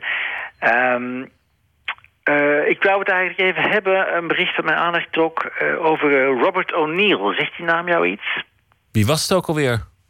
Ja, nou, hij was de man, of tenminste hij beweert de man te zijn... eh, die het beslissende schot loste op Osama Bin Laden. Oh ja, de, de man die ook een boek heeft geschreven over eh, Nee. zijn ervaring. Oh, de ander. De ander een schreef een, boek. man, ja, precies. die- die Iemand net niet schoot. heeft ook een boek geschreven, maar Robert O'Neill heeft op een gegeven moment gezegd: ik was het. Ik was, en zo noemen ze dat, de point man. Dat is de man die als eerste eh, de gevarenzone binnengaat. Eh, en hij heeft dus Osama Bin Laden neergeschoten, zegt hij. Maar niemand van zijn teamgenoten wil het eigenlijk bevestigen. En het mag natuurlijk niet als, als Navy SEAL moet je niet na afloop zeggen wat je allemaal aan geheime missies hebt uitgespookt. Het is niet, sowieso niet erg niet professioneel. gewoon verstandig om te zeggen in deze wereld dat je Osama Bin Laden hebt vermoord. Maar goed, dat is nog een tweede. Maar het is inderdaad een soort van erecode, hè? je mag dat niet zeggen. Ehm alleszins, eh, hij is er nog een beetje verbogen over en eh, dat is altijd mooi, een miskende held. Ehm, maar vandaag werd er een stapje aan toegevoegd. Hij is eh, gearresteerd eh, wegens dronkenschap achter het stuur. Dus eh, wij kunnen ook stilaan ons eh, voorbereiden op de langzame neergang van Robert O'Neill in de afgrond. Zoals het gaat met miskende helden. En, en daar gaat eigenlijk mijn verhaal over. Ga je gang. In de garage hangt nog steeds zijn eerste geweer. Robert kreeg het op zijn veertiende, voor kerstmis. Het feest van de vrede. Een 6 mm Pro Shop Custom Long Range Airsoft AEG Sniper Rifle. Hij herinnert zich hoe zijn vader en zijn moeder toekeken. In het wazige schijnsel van kaarslicht en feestdecoratie. Terwijl zijn knokige vingers over het donker glanzende metaal gleden. En het gladde hout van de kolf. Zijn vader zei... Bobby, je kijkt alsof je een puppy hebt gekregen. En hij stootte zijn moeder aan, die giechelde. Robert start de auto, met de ogen op de sniper aan de muur. De garagepoort achter hem opent zich. Zonlicht valt de ruimte binnen, als een patrouille. Hij denkt nog vaak aan de zorgeloze dagen in zijn jeugd. Schieten met zijn vrienden bij de leegstaande ranch verderop. De battles die ze uitvochten. Hij herinnert zich de eerste keer dat hij een van zijn maten raakte en hoe alles vertraagde. En hij zich bewust werd van de windstille hitte, de lucht die hem inpakte, de hemel die op hem neerkeek, de grond onder hem die hem droeg, grasprieten en gedroogde modder waarover een kleine kolonne mieren moedig haar weg baande. De sniper had oorverdovend gerateld. Hij kon elke pellet door de lucht zien bewegen. Iedere afzonderlijke strakke lijn die werd afgelegd. Tientallen lijnen, honderden lijnen. Oranje laserstralen door de roerloze lucht. Over dat erf, die stoffige zandvlakte. Een speelbord, zonder vlakken of pionnen. Alles open en kwetsbaar. Het was een genot. Die precisie die eenvoud, een onbarmachtig geluk dat hem zijn leven lang was acht blijven achtervolgen als een verlangen. Hij draait de weg op. De bomen aan weerszijden van de baan buigen zich naar hem toe, alsof ze hem willen tegenhouden. Het asfalt smelt. De hemel wiegt zachtjes heen en weer. Robert was de pointman. Hij loste de schoten die de wereld bevrijden, maar niemand noemt zijn naam. Uit angst zijn eigen lafheid te moeten bekennen. Cheaters. Hij stuurt de wagen strak rechtdoor, maar het asfalt glijdt weg onder de wielen en het zonlicht werpt vlekken in het voorraam. En de huizen smoezelen onder elkaar, kijken hem na, lachen hem uit. Hij stopt en sluit de ogen. Even later tikt iemand tegen het raam. Het is een agent. Hij heeft een smal, getaand bruin gelaat, met verfijnde, edele trekken. Glanzend zwart haar, vriendelijke donkere ogen. Hij kijkt Robert aan alsof hij schrikt. En Robert kijkt op. Hij wijst hem aan. Ik ben de pointman, zegt hij. En hij ziet de kogel, glinsterend in het zonlicht. Tollend rond de eigen lengteas, de microturbulentie die hij achterlaat in de lucht. En tot slot de verpletterende efficiëntie, waarmee het gezicht van de agent tot ontploffing komt. Over de dronken rit van The Point Man. Een onbezongen held die uh, langzaamaan in een vrije val lijkt te geraken. Ja. Ivo, dank je wel. En een goede nacht. En morgen graag weer een verhaal. Zeker, tot morgen. Hij werd de King of the West Side Blues genoemd. Magic Sam, bluesgitarist. En in 1959 nam hij dit nummer op, Easy Baby.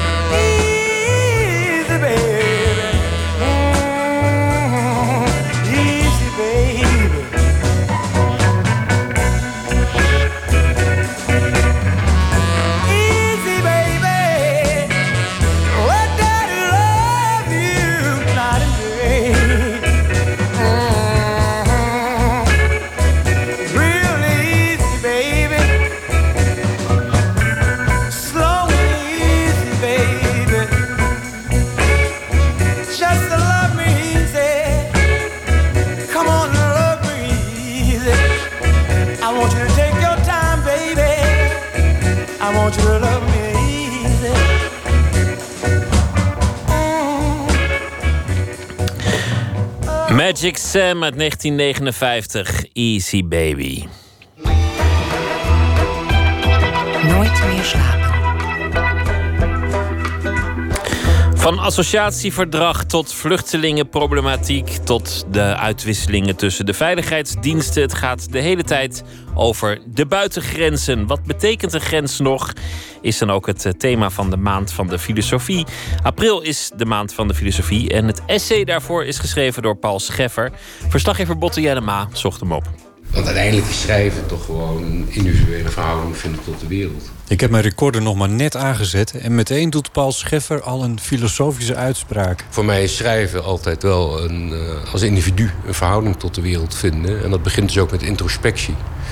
Dus je hebt heel veel mensen die schrijven dan bijvoorbeeld over de angst die in de samenleving bestaat. En dan denk ik, maar als je je eigen angst niet onder ogen wil zien en altijd de buitenstaander bent eh, bij de problemen waar je over schrijft, dan kun je dat ook eigenlijk niet doorgronden. Vanuit zijn werkkamer in Amsterdam heeft hij zicht op hardlopers, fietsers, auto's en de schepen op de rivier. Het is een chaotisch gekrioel van mensen en voertuigen. Dus daarom heb ik in dat begin van het essay iets willen zeggen over de rol als het gaat over grensverkenningen en grensoverschrijding. Die angst daarbij speelt. Angst voor het onbekende. En dat mijn nieuwsgierigheid voor een groot deel voortkomt uit ook het behoefte om die angsten te temmen. Scheffer schrijft in het essay De vrijheid van de grens dat hij de krioelende en chaotische wereld intrekt, ondanks zijn angsten. Maar voor mij is angst en nieuwsgierigheid zijn dus geen tegengestelde motieven. Maar die zetten mij aan om eh, grenzen over te steken. In zijn werkkamer ordent hij al schrijvend die chaotische wereld. Maar niet voordat hij zich er daadwerkelijk in heeft begeven. Zijn nieuwsgierigheid overwint zijn angst. Maar ik merk altijd na verloop van tijd eh, dat er dan zoveel indrukken, ervaringen, eh, lichte chaos ontstaat. dat ik dan de behoefte heb om dat te ordenen en me terug te trekken. En een binnenwereld te creëren waarbinnen ik dan mijn eigen wereld herschep. En schrijven is natuurlijk toch uiteindelijk, in ieder geval zeker in mijn geval, is een behoefte om iets te ordenen. En een overzicht te creëren. Dus het gaat bij mij altijd eigenlijk, het leven gaat over de pendelgang. Je verlies je in de buitenwereld en dan moet je ook weer terugtrekken in een binnenwereld. En toen ik er zo over dacht, toen begreep ik ook eigenlijk wel waarom het denken over grenzen voor mij eigenlijk meer is dan een onderwerp, maar ook wel echt een voortdurend geleefde ervaring. Het denken over grenzen komt bij Paul Scheffer voort uit persoonlijke ervaringen. Mijn grootvader eh, komt uit Duitsland, is een immigrant geweest. Eh, Joodse familie. Daar heb ik eens een keer eh, een aantal jaar geleden in een ander verband over geschreven. Maar ik weet wel, mijn ouders, die de oorlog mee hebben gemaakt. En we, we woonden in Arnhem niet ver van de Duitse grens af. Maar het idee om naar Duitsland te gaan, tot midden jaren 70, was volstrekt getaboeiseerd. Het hele idee dat je naar Duitsland ging, überhaupt, ondenkbaar. Terwijl Nooit gedaan. Nee, dat was dus met mijn ouders echt ondenkbaar. Eh, ik denk mijn moeder pas ergens begin jaren tachtig... naar Duitsland voor het eerst weer eens gegaan na de oorlog. Maar dat was haar gebaar tegenover haar vader... die dus die grens wel was overgestoken. Het idee van, we hebben die oorlog overleefd... maar in ieder geval eh, naar Duitsland, dat nooit meer. Dus dat was eigenlijk al de eerste ervaring met een grens. Niet dat ik er toen zo over nadacht, maar ik heb natuurlijk wel onderhuids ontzettend veel meegekregen van die angsten van mijn ouders. Mijn vader heeft in kamp Amersfoort gezeten. Mijn moeder heeft ook nog zo al wat meegemaakt. Dus dat heb ik wel meegekregen. En tegelijkertijd een enorme diepe nieuwsgierigheid. Want ik kom echt uit een gezin waarin al vroeg Franse literatuur, ook Duitse literatuur. Mijn moeder sprak werkelijk vloeiend Duits. Eh, dus dat werd allemaal gelezen. Muziek, Nina Simone, noem maar op. Alle jazz, daar was mijn vader gek van. Dus die nieuwsgierigheid heb ik ook altijd wel meegekregen.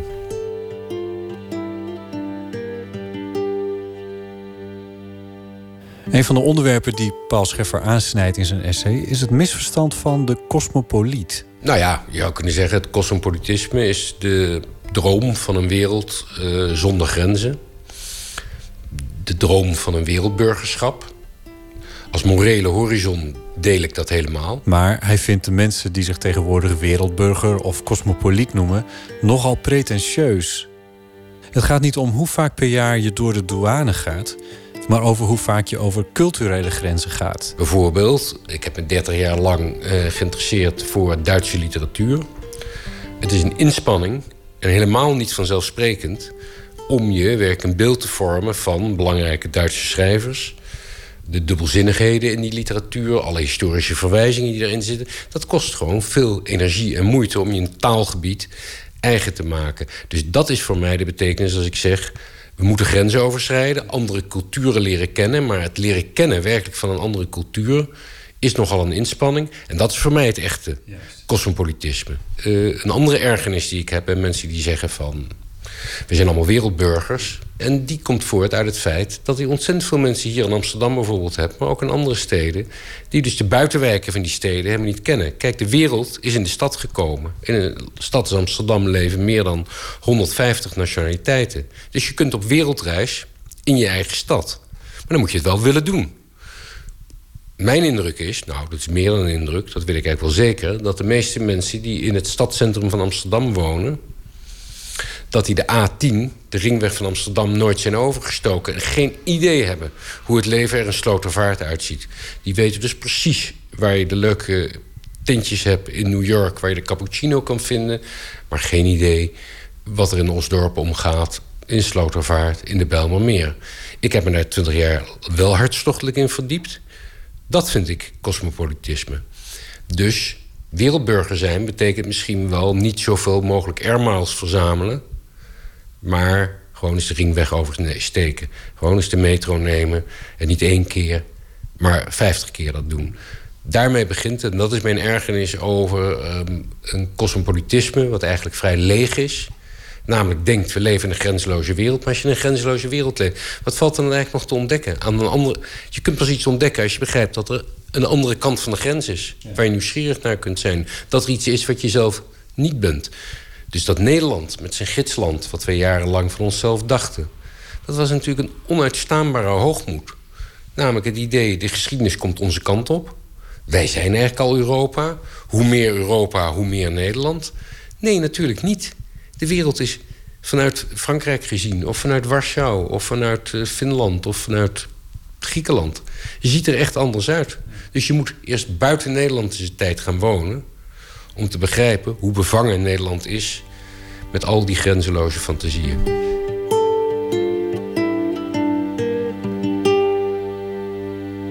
Het cosmopolitisme moet opnieuw worden overdacht, zo schrijft Paul Scheffer.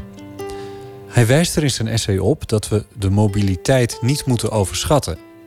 De minderheid van de mensen die in beweging zijn wordt overal bestudeerd. Maar dat de overgrote meerderheid aan een plaats gebonden is, lijkt geen onderwerp. Uit onderzoek blijkt dat driekwart van de Fransen woont in de regio waar ze zijn geboren. Waarschijnlijk is dat elders in Europa niet anders, schrijft Scheffer. Dat is niet alleen een blinde vlek, maar het leidt ook tot een verachting van alles wat plaatsgebonden is. We moeten, zo schrijft Scheffer, opnieuw nadenken over grenzen. Maar we ontkomen er niet aan om, als je binnengrenzen opheft... om na te denken wat je aan die gemeenschappelijke grens dan doet. Die nieuwe buitengrens van Europa. Ja, we hebben precies dezelfde fout gemaakt met de euro eigenlijk. Ik bedoel, je voert een gemeenschappelijke munt in... en dan word je op een ochtend wakker... en dan blijkt ineens het Griekse begrotingstekort... ook ons begrotingstekort te zijn geworden. En dan moet er ineens van alles worden bedacht... om dat in goede banen te leiden. Nou, op een andere ochtend zijn we nu wakker geworden... in een veel ruwere wereld dan we ons ooit hebben voorgesteld. Na 1989 zijn we toch een beetje weggedroomd... in het idee van Koude Oorlog is voorbij, de grote conflicten zijn voorbij, grenzen, territorium, is allemaal iets van de 19e eeuw. Daar doen we niet meer aan. Iedereen is lief. Ja, of in ieder geval, eh, de democratie verbreidt zich in de wereld. Eh, we hadden zelfs een Amerikaanse filosoof, eh, Francis Fukuyama, die dacht dat de geschiedenis ten einde was. Ja, dus dat was een beetje de euforie. Ja, en dan word je ineens een kwart eeuw later word je wakker in een veel ruwere wereld waar het ineens wel over grenzen gaat. En ehm, waar we dus ehm, al die vragen waarvan we dachten, die liggen achter ons, toch terug zijn gekomen. En dat is niet erg, zegt Scheffer, maar dan moeten we wel nadenken over wat Europa is. En dat betekent nadenken over wat het niet is. En dus over de grens. Zoals we ook nadenken over de grens tussen een werkkamer en een straat. Hoe verbeelden we die ruimte? Dat we inderdaad op een dag kunnen zeggen, als een geleefde ervaring... de Grieken zijn onze medeburgers. Zoals nu eh, we het niet moeilijk vinden om te zeggen... Groningers en Limburgers en Noord-Hollanders ervaren elkaar toch min of meer als medeburgers. Er gaat veel geld vanuit de Randstad naar armere delen van Nederland. En niemand vindt dat raar. Daar wordt eigenlijk niet over gediscussieerd. Nou, kan er een situatie ontstaan in Europa waarbij zo'n gemeenschap, waar mensen zich met elkaar vereenzelvigen en het gevoel hebben wij zijn medeburgers, dat is natuurlijk ook het denken van een grens. Je kunt niet een binnen creëren zonder ook een beeld te hebben van een buiten.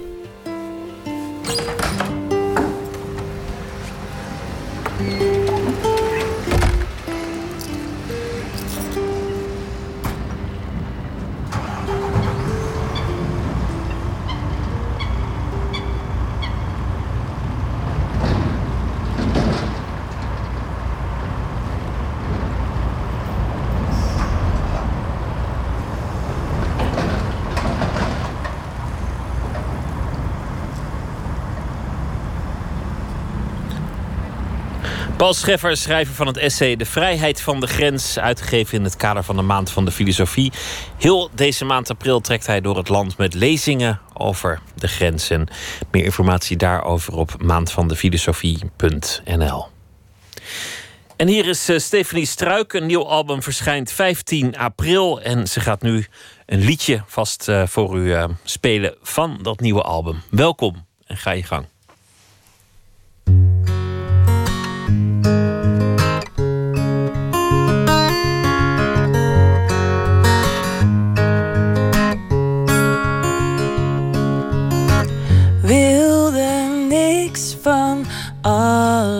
Missen, dan maar overal. Ik was bang me te vergissen, mijn horloge tikte door in elk geval. Nachtenlang kun je wakker liggen,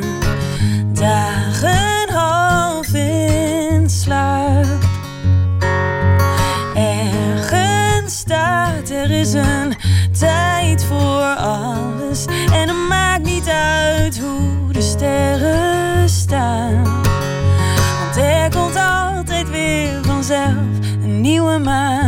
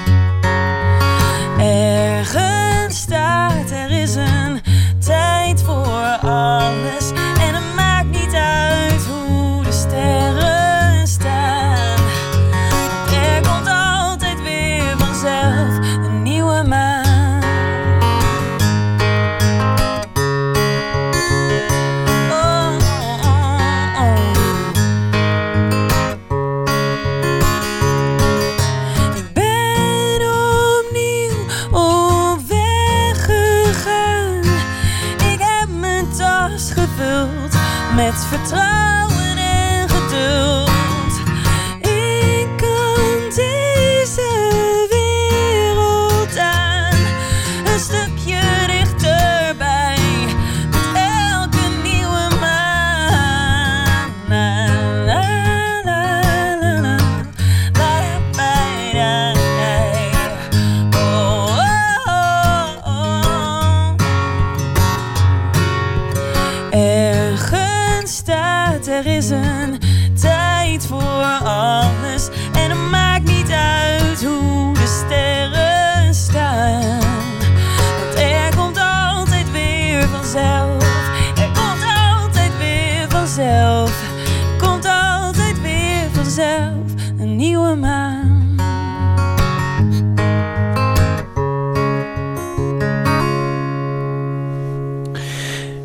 Nieuwe maan van Stephanie Struik, de eerste single van het nieuwe album dat 15 april staat eh, te verschijnen. Kom zitten, Stefanie, voor eh, de rubriek Open Kaart. Open kaart. Die rubriek werkt als volgt: een bak vol met kaarten. Op elke kaart staat een vraag en de gast bepaalt zo zelf mede het gesprek dat we voeren. Stephanie Struik werd eh, bekend onder de naam Stevie N. Zong jarenlang in het Engels. eh, werkte veel vanuit Los Angeles. En ineens is daar die wonderlijke wending, een album in het Nederlands gezongen. En daar hoort dan ook bij dat je je Nederlandse naam weer hebt eh, teruggetoverd. Is dat definitief of is dat alleen voor dit album of weet je het nog niet? Eh, ik weet het eigenlijk nog niet, maar het voelt nu wel heel definitief. Ik denk wel, ja, dat het, ja, ik denk wel dat ik het, eh, ja, Stevie en tijdperk eh, soort van achter heb gelaten, wat heel zwaar klinkt, want het is gewoon dezelfde persoon. Maar nee, ik vind het wel passen bij deze nieuwe weg die ik heb ingeslagen. En als je een nieuwe weg inslaat, dan ga je niet gauw meer terug. Dus ik denk wel dat het, dat het dit blijft. Ja. Het wonderlijke is dat je ehm, veel succes had als Stevie N. Je, je werkte veel in Amerika. Je ging ook wat Amerikaanser klinken in je sound. Hmm. Nu is er dan een Nederlandstalig album. Je klinkt eigenlijk nog Amerikaanser dan ooit, Ah. afgezien van de taal. Ja, ja, dat vind ik ook wel een, een mooie combi. Ik ben ook opgegroeid met die Americana, folk, singer-songwriter, muziek. Eh, mijn ouders hadden echt al, ja, al die eh, platen in de kast staan. Het waren vaak Amerikaanse artiesten. Dus ik denk ook vandaar mijn drang in eerste instantie naar Amerika. En eh, ik kom er nog steeds heel graag. En ik heb er echt heel veel geleerd. En ik vind het ook inderdaad een hele toffe combi om eh, dan in het Nederlands te zingen, wat heel rootsy is.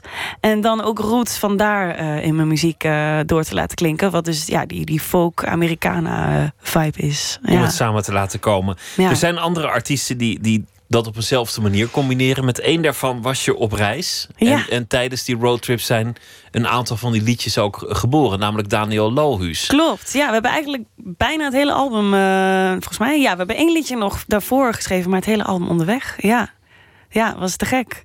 En dan ja, krijg je vanzelf dat eh, Erika Drenthe en eh, Limburg, waar je zelf geboren bent, en alle plekken in Amerika samenvloeien. En dan, wordt het Nederlands. Ja, het was, het was een heel interessant eh, eh, ding. Want ik had vorig jaar, was januari vorig jaar, had ik meegespeeld in een opera van de Nationale Opera. Dat was een familieopera en eh, daar moest ook een soort van eh, hedendaags element in. En dat werd dan de singer-songwriter. En die mocht ik spelen. Maar het was wel in het Nederlands. En dus ik moest ook liedjes schrijven in het Nederlands. Dus dat was eigenlijk voor het eerst dat ik daarmee in aanraking kwam. Met echt in, in mijn eigen taal schrijven. En toen dacht ik al, wat raar eigenlijk dat ik dat nooit eerder heb gedaan. En toen waren we onderweg. En eh, ja, het kwam eigenlijk al heel snel ter sprake. En, en het, we dachten, we gaan gewoon één liedje in het Nederlands proberen. En als het niks wordt, dan, dan gaan we ook meteen weer over in het Engels. Eh, maar dat, dat eerste liedje was meteen eh, zo raak voor mijn gevoel. Er ging echt... eh, heel eh, ja, arsenaal aan ideeën open. Zo van, oh, dit kan ook, oh, dit kan ook, te gek, weet je wel. Je voelt ineens wel alsof je het voor het eerst doet. Dus ja, dat was wel meteen eh, eigenlijk heel duidelijk dat het die kant op ging. Het heeft eh, frisheid in het eh, gebeuren geblazen. Ja. Ik wil je vragen om elkaar te trekken. Neem, neem niet de voorste en niet de achterste. Oké. Want dan eh, schudt het zich vanzelf. Moet ik het zelf of doe jij het? Nou, lees maar wat, er wat er staat. Oh. Wat is volgens jou de beste plek om te wonen?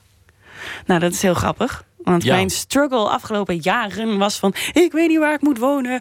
Ik zat dan de helft van de tijd in Los Angeles... en de helft van de tijd in Nederland. En ik had het gevoel dat ik heel erg moest kiezen. En eh, dat kon ik maar niet. Ik bleef maar op en neer. Maar dat was ook weer te veel. Want dan aard je ergens een beetje... of nou ja, aarde, je bent, voelt je dan net ergens thuis. En dan ga je alweer. En dan gebeurt er op die andere plek precies hetzelfde. Dus... ehm, Ben je er nu uit? ja, toch wel Nederland. Ja, of toch wel, de, ja, volmondig Nederland. Ja. Volmondig Nederland. Ja. Dan is er de volgende vraag. Waar in Nederland? Je hebt in Limburg eh, ben je opgegroeid. Je hebt in Klopt. Arnhem gewoond. Ja, klopt. Tilburg heb ik gestudeerd. Tilburg gestudeerd. Daar ook gewoond. Ik heb eh, na een hele korte tijd even in Amsterdam gezeten. Roermond heb ik ook een paar maanden maar volgehouden. Van allerlei plekken geprobeerd, inderdaad. Ehm, nee, ik ben, ik ben eigenlijk zo... Ja, ik ben wel een, een, een ontzettende troubadour geweest wat dat betreft. En nu eh, ja, heb ik nog steeds niet een hele officiële plek waar ik woon. Ik kom nog steeds heel graag in Limburg. Daar ben ik toch geboren, daar wonen mijn ouders nog. En ja, als ik daar telkens weer aankom rijden in het mooie bosrijke gebied, dan denk ik, oh ja, hier was mijn eh, jeugd. Maar waar moet een ideale plek eh, om te wonen aan voldoen? Wa- wa- wa- wat zijn de dingen die je zoekt in een plek waar je woont? Dat is wel een goede vraag. Ehm, natuurlijk. Eh, ja, ik, ik, ik dacht altijd dat ik heel veel ehm, energie om me heen nodig had. Zoals een stad. En dat kan natuurlijk heel fijn werken. Hè? En dat heb ik in LA ook gemerkt dat ik daar echt heel, heel veel eh, energie van kreeg. En dat was helemaal te gek. Maar soms is er zoveel afleiding dat ik ook het gevoel had van... oeh, ik kom helemaal niet aan dingen toe die ik eigenlijk wil en moet doen misschien wel. Dus wat ik nu heb, is dat ik wel weer teruggaan naar, naar een beetje mijn roots ook daarin. Dat ik kom uit een, eh, een klein dorp waar, nou ja, niet heel veel gebeurt. Ja, het is gewoon een dorp met, met eh, wat er dan is. En dat ik die rust eigenlijk wel heel erg nodig heb, merk ik. Ja, gewoon eh, plek om zen te zijn, stilte. Niet de hele tijd van alles horen, wat- bijgeluiden. Het bijzondere aan Los Angeles, ik, ik kwam jou een keer tegen op, op een muziekavond waar, Ja. waar verschillende artiesten optraden. En in zo'n grote stad is het niveau ook meteen heel hoog, omdat er gewoon heel veel mensen zijn. Zeker, ja. En er is Ja. ook, ook veel publiek. En het is dan een café waar ook af en toe John Mayer even een nieuw liedje kwam testen. Ja, ja. Dat maakt het niveau hoger. Heb, heb je dat nog nodig, die, die concurrentie van de stad? Eh, ik, ik heb dat wel heel erg inspirerend gevonden toen. Ja, ik vond het. Ik heb dat toen ook echt opgezocht. Gewoon, eh, ik weet nog dat, dat ik daar was en dat ik echt bijna elke avond wel bandjes ging kijken. En dat mijn huisgenoot toen ik zei van, "Wa- wat? What's wrong with you? ik was echt telkens onder. Ik dacht, oh, nou ga ik die kijken en die speelt daar. En eh, ja, ik, ik vond dat ik had het echt nodig om. Ja, zoveel mogelijk verschillende eh, muziekstijlen, maar vooral ook in, in dat hele singer-songwriter genre. Te zien hoe mensen dat doen en eh, hoe ze performen en wie er dan allemaal in zo'n scene zit qua muzikanten. En, en het grappige is dat, dat ik denk van ja, dat zou ik nog een keer hebben. Maar nu ben ik juist veel meer een beetje naar binnen aan het gaan en tot rust aan het komen of zo. Die, eh, dat elke avond een beetje kijken, dat, dat zou ik nu niet, zit ik nu niet op te wachten. Misschien hoeft het niet meer. Zullen we nog een vraag doen? Ja, leuk. Eens even kijken. Oh. Waar lig je van wakker? Ah. Nou ja, ehm, ik, ik wou, eerst wat ik wou zeggen is... ik lig bijna nergens van wakker... want ik ben echt een hele goede slaper. Oh, wat ik, heerlijk. Als ik ga Ja. liggen dan... en ik kan gewoon tot tien uur... ja, niet om mensen jaloers te maken... maar Het ik, ben een, ik ben een slaper. Maar ehm, ik kan wakker liggen van... ehm, als ik denk dat ik bijvoorbeeld iets verkeerds heb gezegd tegen iemand. Of eh, dat iemand eh, vreemd heeft gereageerd op mij. En dat ik dan heel erg ga druk maken van... oh, wat, hoe komt dat? En eh, ik kan me best wel makkelijk dat dan persoonlijk meteen aantrekken van... oh, ik zal wel iets verkeerds gedaan hebben of zo. En dan kan ik daar wel eens eh, avonden van wakker liggen. Sociaal ongemak. En dan, Ja. en dan vooral de gedachte dat je iemand misschien geschoffeerd hebt. Of Ja, precies. Ja. gebruskeerd of, of wat dan ook. Maar je lijkt me niet een type die vaak mensen beledigt. Nee, nee, dat is niet. Nee, dat is is niet je eh, nee, dat doe ik liever niet. Nee, nee, dat, daar, nee, dat zit niet in mij. Nee. Nee, maar soms heb je van die mensen die dat dan eh, bijna, eh, ja, dat, dat, waar je ongemakkelijk van wordt. En dan denk je van, hoe zit het nou? En eh, waarom is het zo raar of zo? Weet je wel, ja, dat, dat heb je wel eens. En dan, en dan kan ik daarvan wakker liggen. Maar andere dingen, nee, ik, ik, ik, ik hou van slapen. Ja, ik... Is ook, is ook het leukste deel van de dag, toch? Ne- neem nog een, Nog een kaart als je wil. Yes. Leuk dit. Oh. Wanneer laat je iemand vallen? Nou, niet, niet heel snel. Ik ben, denk ik, eh, ik weet niet of je dat mag zeggen over jezelf, maar ik denk wel dat ik daarin dan, ik ben wel loyaal of zo. Van, of hoe zeg je dat? Gewoon, ik, eh, ik vind het heel erg om, om afscheid te moeten nemen van mensen, om wat voor reden dan ook. Dus vriendschappen Maar- duren bij jou ook lang. Ja, ja dat vind ik, ik vind het heel belangrijk dat er altijd, op wat er ook gebeurt, dat er, dat er altijd nog een opening weer is. Dat het altijd gewoon zand erover en weer verder kan gaan, weet je wel. Maar ik moet wel zeggen dat eh, zodra er. eh, ja, als, als mensen gaan liegen of ze, je hebt het gevoel dat je bedrogen bent of zo, dan, dan ben ik wel snel klaar. Dan is het van oké, dat, dat, dat trek ik niet. Er kan van alles gebeuren, maar echt glashard liegen, dat is dan. Dan denk ik wel dat ik iemand eh, voorlopig laat vallen. Ja. Een duidelijk antwoord. Ja. Kom, we, we proberen nog een. eh, Wat was een moment van triomf? Oh. Ja, dat kan van alles zijn, hè? Ja, nou ja, misschien eh Pinkpop, dat je daar dan stond. Dat, dat lijkt me toch een moment dat je even denkt... Goh, dit heb ik voor elkaar ja, gekregen. Ja, dat, nou, dat, is grappig dat je dat zegt. Dat was het eerste wat in me opkwam wel. Ja, ja dat, dat was zeker zo'n moment. Ja, ik was ook eh, wel redelijk zenuwachtig, weet ik nog. Want Pinkpop was wel een festival... Wat ik uit Limburg kom, daar gingen wij als eerste heen, zeg maar... Toen ik eh, 14, 15 was, dat was dan waar je met vriendinnen dan eh, ja, gaat eh, kijken. En dan het eerste jaar nog dat je dan wordt gebracht en weer opgehaald. En dan het jaar daarna mochten we ook op de camping slapen. En weet je wel. En dan opeens, eh, een paar jaar later, sta je er zelf. Dat is, vond ik wel heel maf. Ja. En hoe Ja. was het, het moment zelf? Weet je, weet je dat nog? Dat je dan op dat podium staat voor zo'n enorme hoeveelheid mensen... Ja, waar jij ja. er ooit zelf één van was. Ja, dat, dat was on- best wel onbeschrijfelijk hoor. Ik weet nog wel heel goed allemaal, maar ik weet ook nog vooral heel goed. Ik heb een soort van talent om als er dan iets belangrijks moet gebeuren, dat ik dan ineens iets denk van, oh, dan moet, dan moet er ineens van alles anders. Dan weet je wel, dan moet ik ineens hakken gaan dragen, terwijl ik dat nooit doe. En dat had ik dus op Pinkpop, had ik voor het eerst hakken aan. En het was dramatisch, want ik moest dus het podium oplopen en ik, ik had dat zoiets van, oh mijn god, dit gaat helemaal, dit zit helemaal niet Ook lekker. best een slecht idee om Ja, dan ja. juist op dat moment met Ja. hakken te gaan Ja. experimenteren. Ja, dat, daar ben ik het helemaal met je eens. Ja. Dus dat is één ding wat ik me herinner. Maar ook wel gewoon dat het helemaal te gek was. Dat het echt, dat ik echt energie voelde van, van het was in, in die tent en. eh, en heel, ik, ja, ik zag ook gewoon vriendinnen staan, weet je wel. Dat ik dacht van, oh, die stonden toch echt wel zo vol bewondering te kijken. Van nou, dat is onze Stephanie die, eh, die daar nou staat. Ja, dat was een mooi moment. Kom, we doen er nog één. Nog één.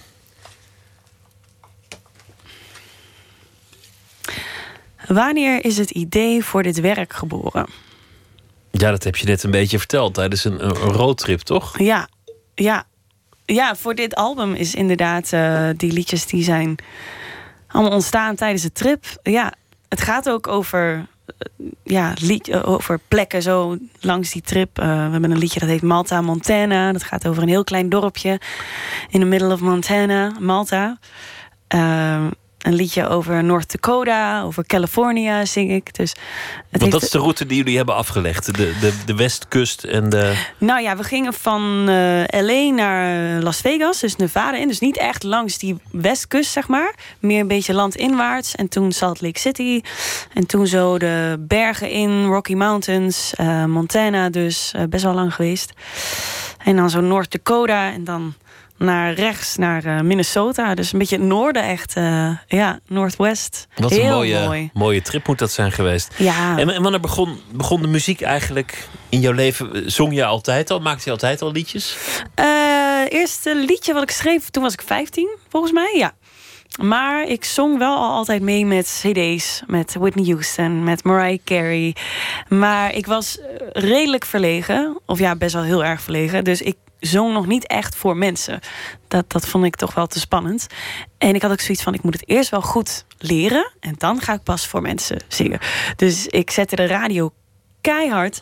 En dan ging ik zo meezingen, zodat mijn ouders het beneden dan niet hoorden dat ik aan het zingen was, weet je wel. En ook toen ik gitaar ging spelen, toen was ik nog steeds heel, eh, ja, heel. eh, ik was helemaal niet bezig met, met van, ik ga dat nu voor iemand doen, maar in mijn hoofd was ik wel dat ik dacht, dat wil ik eigenlijk wel heel graag. Maar ik had echt zoiets van, ik moet het eerst perfectioneren. Ik moet eerst heel goed worden. en dan pas durf ik te zingen voor En iemand. wanneer was je coming out? Eh, bij eh, eh, mijn gitaarles. Ik had een gitaarleraar. En nou, daar speelde ik allemaal liedjes mee. En toen zei hij van... Je moet zelf eens een liedje gaan schrijven. En dan voor volgende week schrijf jij een liedje. En ik was toen al aan het schrijven. Ik zei, oké, oké, dan neem ik wel een liedje mee. En de week erna, toen kwam ik met dat liedje. En toen nog dacht ik van, oh, ik durf echt niet te zingen. En, En toen zei hij, doe nou maar gewoon. En eh, nou, toen heb ik het gezongen. En dat was ook wel zo'n moment van triomf. Van wow, ik heb nu voor iemand durven zingen. En ik weet, dat moment kan ik me nog als de dag van gisteren herinneren... dat ik daar weer de deur uitliep. En dat je helemaal gewoon je totaal licht voelt van... ik heb het gedaan. Voor En- één man kan net zo'n grote triomf zijn als voor eh, een Ja. tent met Ja. duizenden op, Ja. op Pinkpop. Ja, ja, daarna wilde ik niks anders meer. Toen was ik alleen maar s'avonds liedjes aan het schrijven. Ik ging ook niet... Weet je, als andere mensen dan uitgingen op zaterdagavond... dan zat ik eh, liedjes te maken. En het, Ja. heeft je, het heeft je veel gebracht. Stephanie Struik, dank je wel dat je langs wilde komen. En succes met het album en eh, met het optreden en alles. Dank je wel. Thanks. Er zijn eh, ontwikkelingen op Schiphol. De situatie lijkt eh, langzaamaan voorbij te zijn. Ewout de Bruin, die is daar. Ewout, goeienacht. Goedenacht Pieter. Het is inderdaad voorbij. Eh, de vorige keer dat we elkaar spraken werd er een auto staande gehouden. En er werden daar vier heren uitgehaald. Die zijn even later vrijgelaten. Hun auto is met een hond onderzocht en ze mochten uiteindelijk hun weg vervolgen. Daarna zijn er bij mijn weten geen mensen meer aangehouden op Schiphol. En eh, een minuutje of tien geleden werden de linten doorgeknipt. eh, vertrok de Koninklijke Marechaussee. Eh, er is nog wel wat politie aanwezig. Maar het is eigenlijk nu opvallend rustig. De laatste mensen komen uit de vliegtuigen en gaan naar huis. De parkeergarages zijn natuurlijk nog wel druk... omdat er nog veel mensen staan die uren in de rij hebben gestaan. Het begon eerder op de avond, zo rond half tien... Toen er iemand werd aangehouden, ehm, zijn bagage is met een robot onderzocht. Eh, toen is eh, de marechaussee dus flink opgeschaald. Uiteindelijk eh, zijn er nog zes mannen van Noord-Afrikaanse afkomst... korte tijd staande gehouden. We weten nog niet of er iets gevonden is wat nou de exacte aanleiding was. Die verklaring van de marechaussee moet nog komen. Ongetwijfeld later vannacht of morgenochtend vroeg. Maar de actie hier is in ieder geval bij. Schiphol is vrijgegeven en eh, ja, gaat eigenlijk gewoon zijn gang weer. Ewout Bruin, dankjewel voor het eh, verslag van een avond eh, onrust en stress rond Schiphol. Het is alweer acht jaar geleden dat de Last Shadow Puppets hun eerste album eh, uitbrachten. Het is een eh, supergroep rond Alex Turner van Arctic Monkeys en Miles Kane van The Rascals. Ze hebben nu een nieuwe plaat, Everything You've Come to Expect. En zo heet ook het nummer.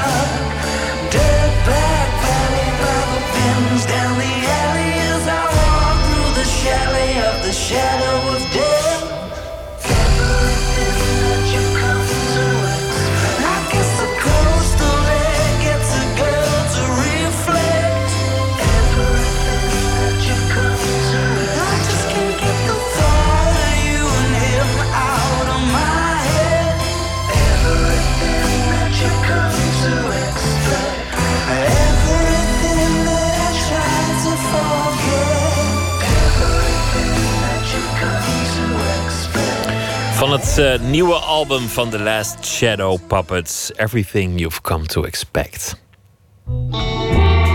Nooit meer slapen. Kaalgeschoren koppen, trainingspakken, 200 beats per minuut. De gabbercultuur was een eh, kortstondig verschijnsel in de regionen Rotterdam, Den Haag, begin jaren 90 en daarna in het hele land. Het is al eh, wat jaartjes terug, maar de cultuur blijft toch fascineren. Waar zijn ze gebleven, de gabbers?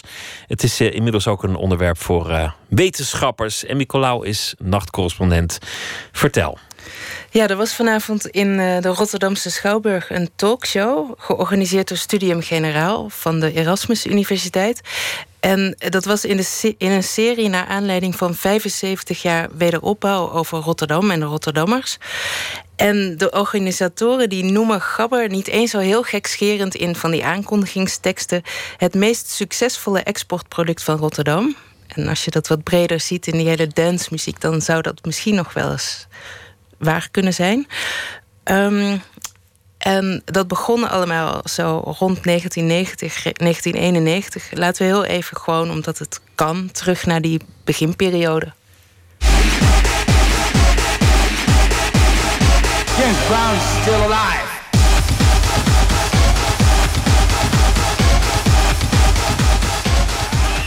Ja, dit was Holy Noise. Ken je die nog? Ja, James Brown is still alive. 1991. Helemaal weggegaan is het eigenlijk niet. Hè? Je, af en toe hoor je nog wel eens een auto langskomen met een boombox.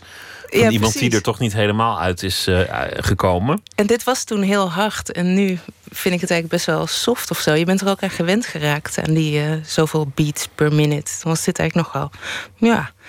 En eh, dit was eh, een nummer geproduceerd door Paul Elstak. Een van de godfathers van de, van de Gabberhaus natuurlijk. En die was ook aanwezig vanavond. Maar in de Schouwburg spraken ook twee wetenschappers.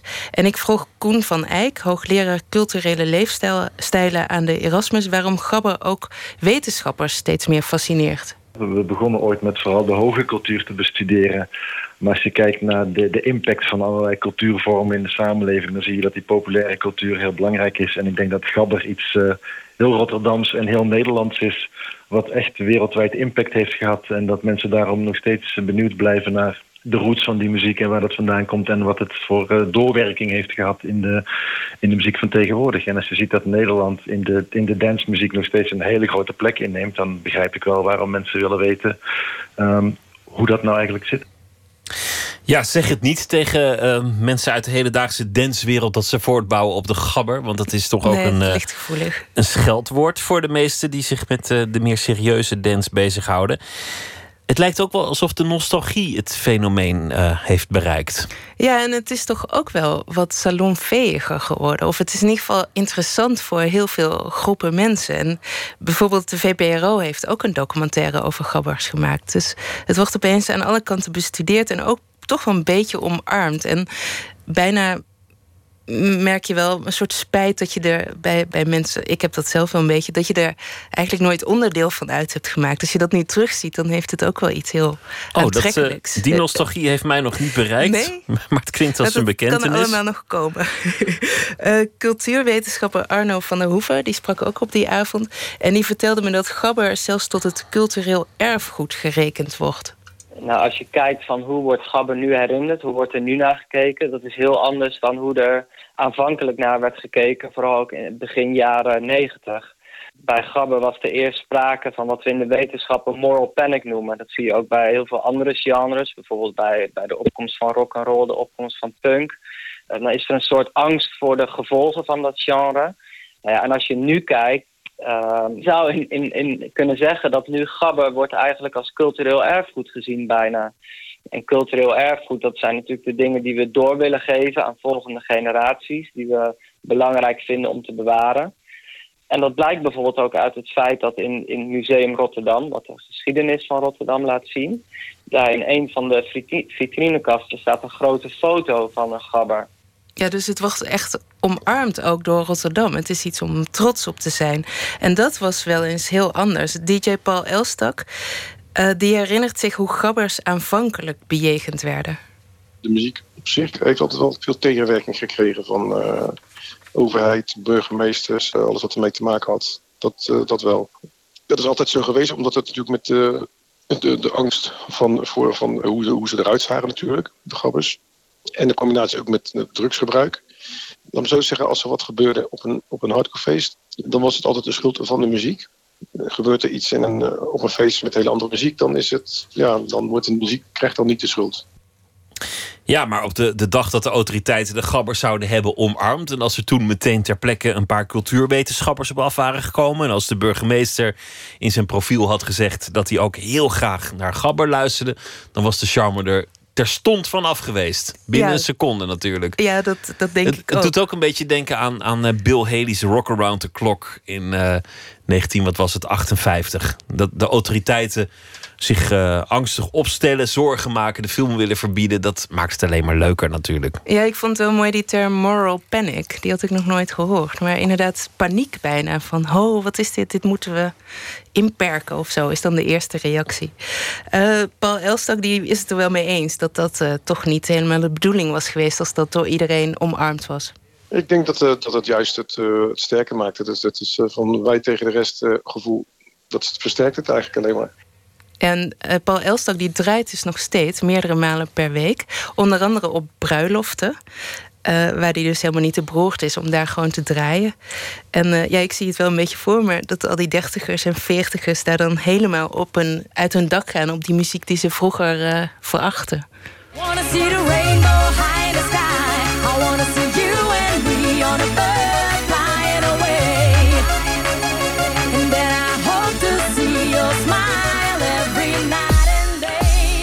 Nou, dat was ook wel een leuk liedje. En Nicolaou over de salonveegheid. 25 jaar na dato van de gabbermuziek. Goeienacht. Dankjewel, goeienacht. Volgende maand verschijnt een eh, nieuw album van de Vlaming Bent van Looy, beter bekend als Das Pop. De titel wordt Pyjama Days en we draaien de single My Escape. You used to think of me as such a weird young man with my nose stuck in a book. Know I always had a plan. Right before my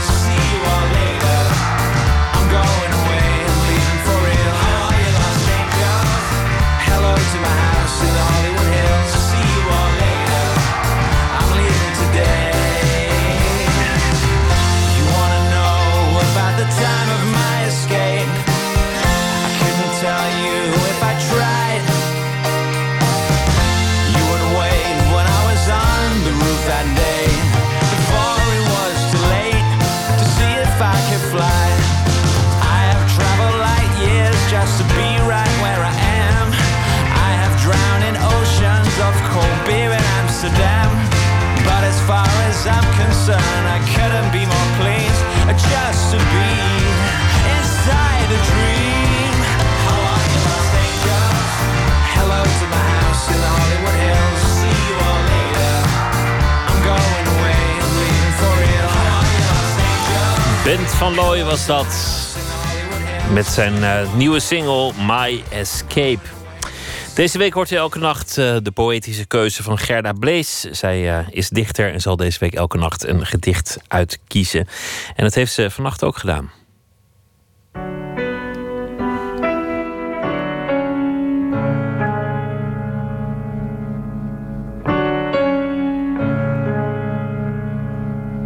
Het gedicht wat ik wil gaan voorlezen heet Abstracties zijn dingen.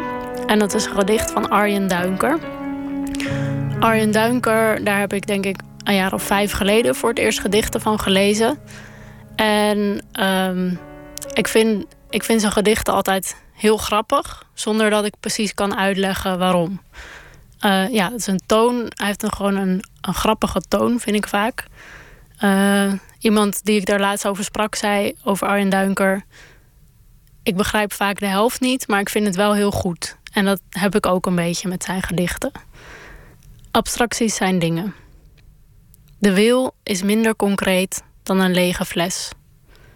Maar abstract en ding, ook al is hij geen lege fles. Kijk dan toch, abstracties zijn dingen. Waarom wordt dat niet vaker gezegd? De kenmerken van onvindbaarheden komen via de rug van de kat bij de augurk in het gras. Het gras is abstracter dan de vraag wat de lenige augurk daar te zoeken heeft.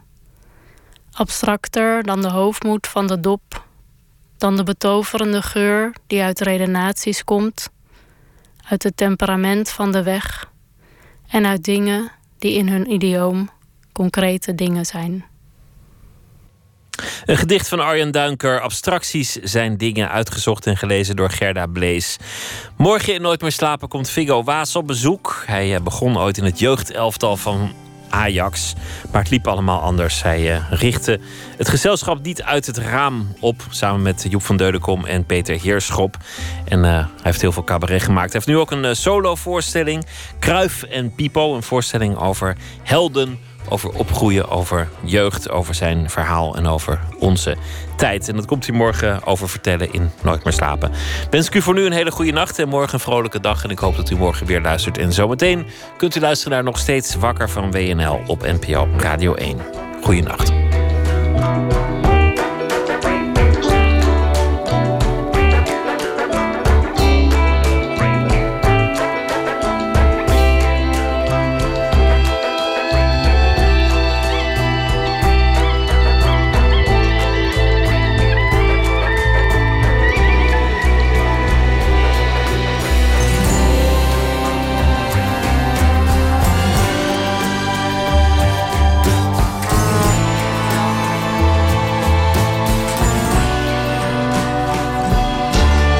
Radio 1.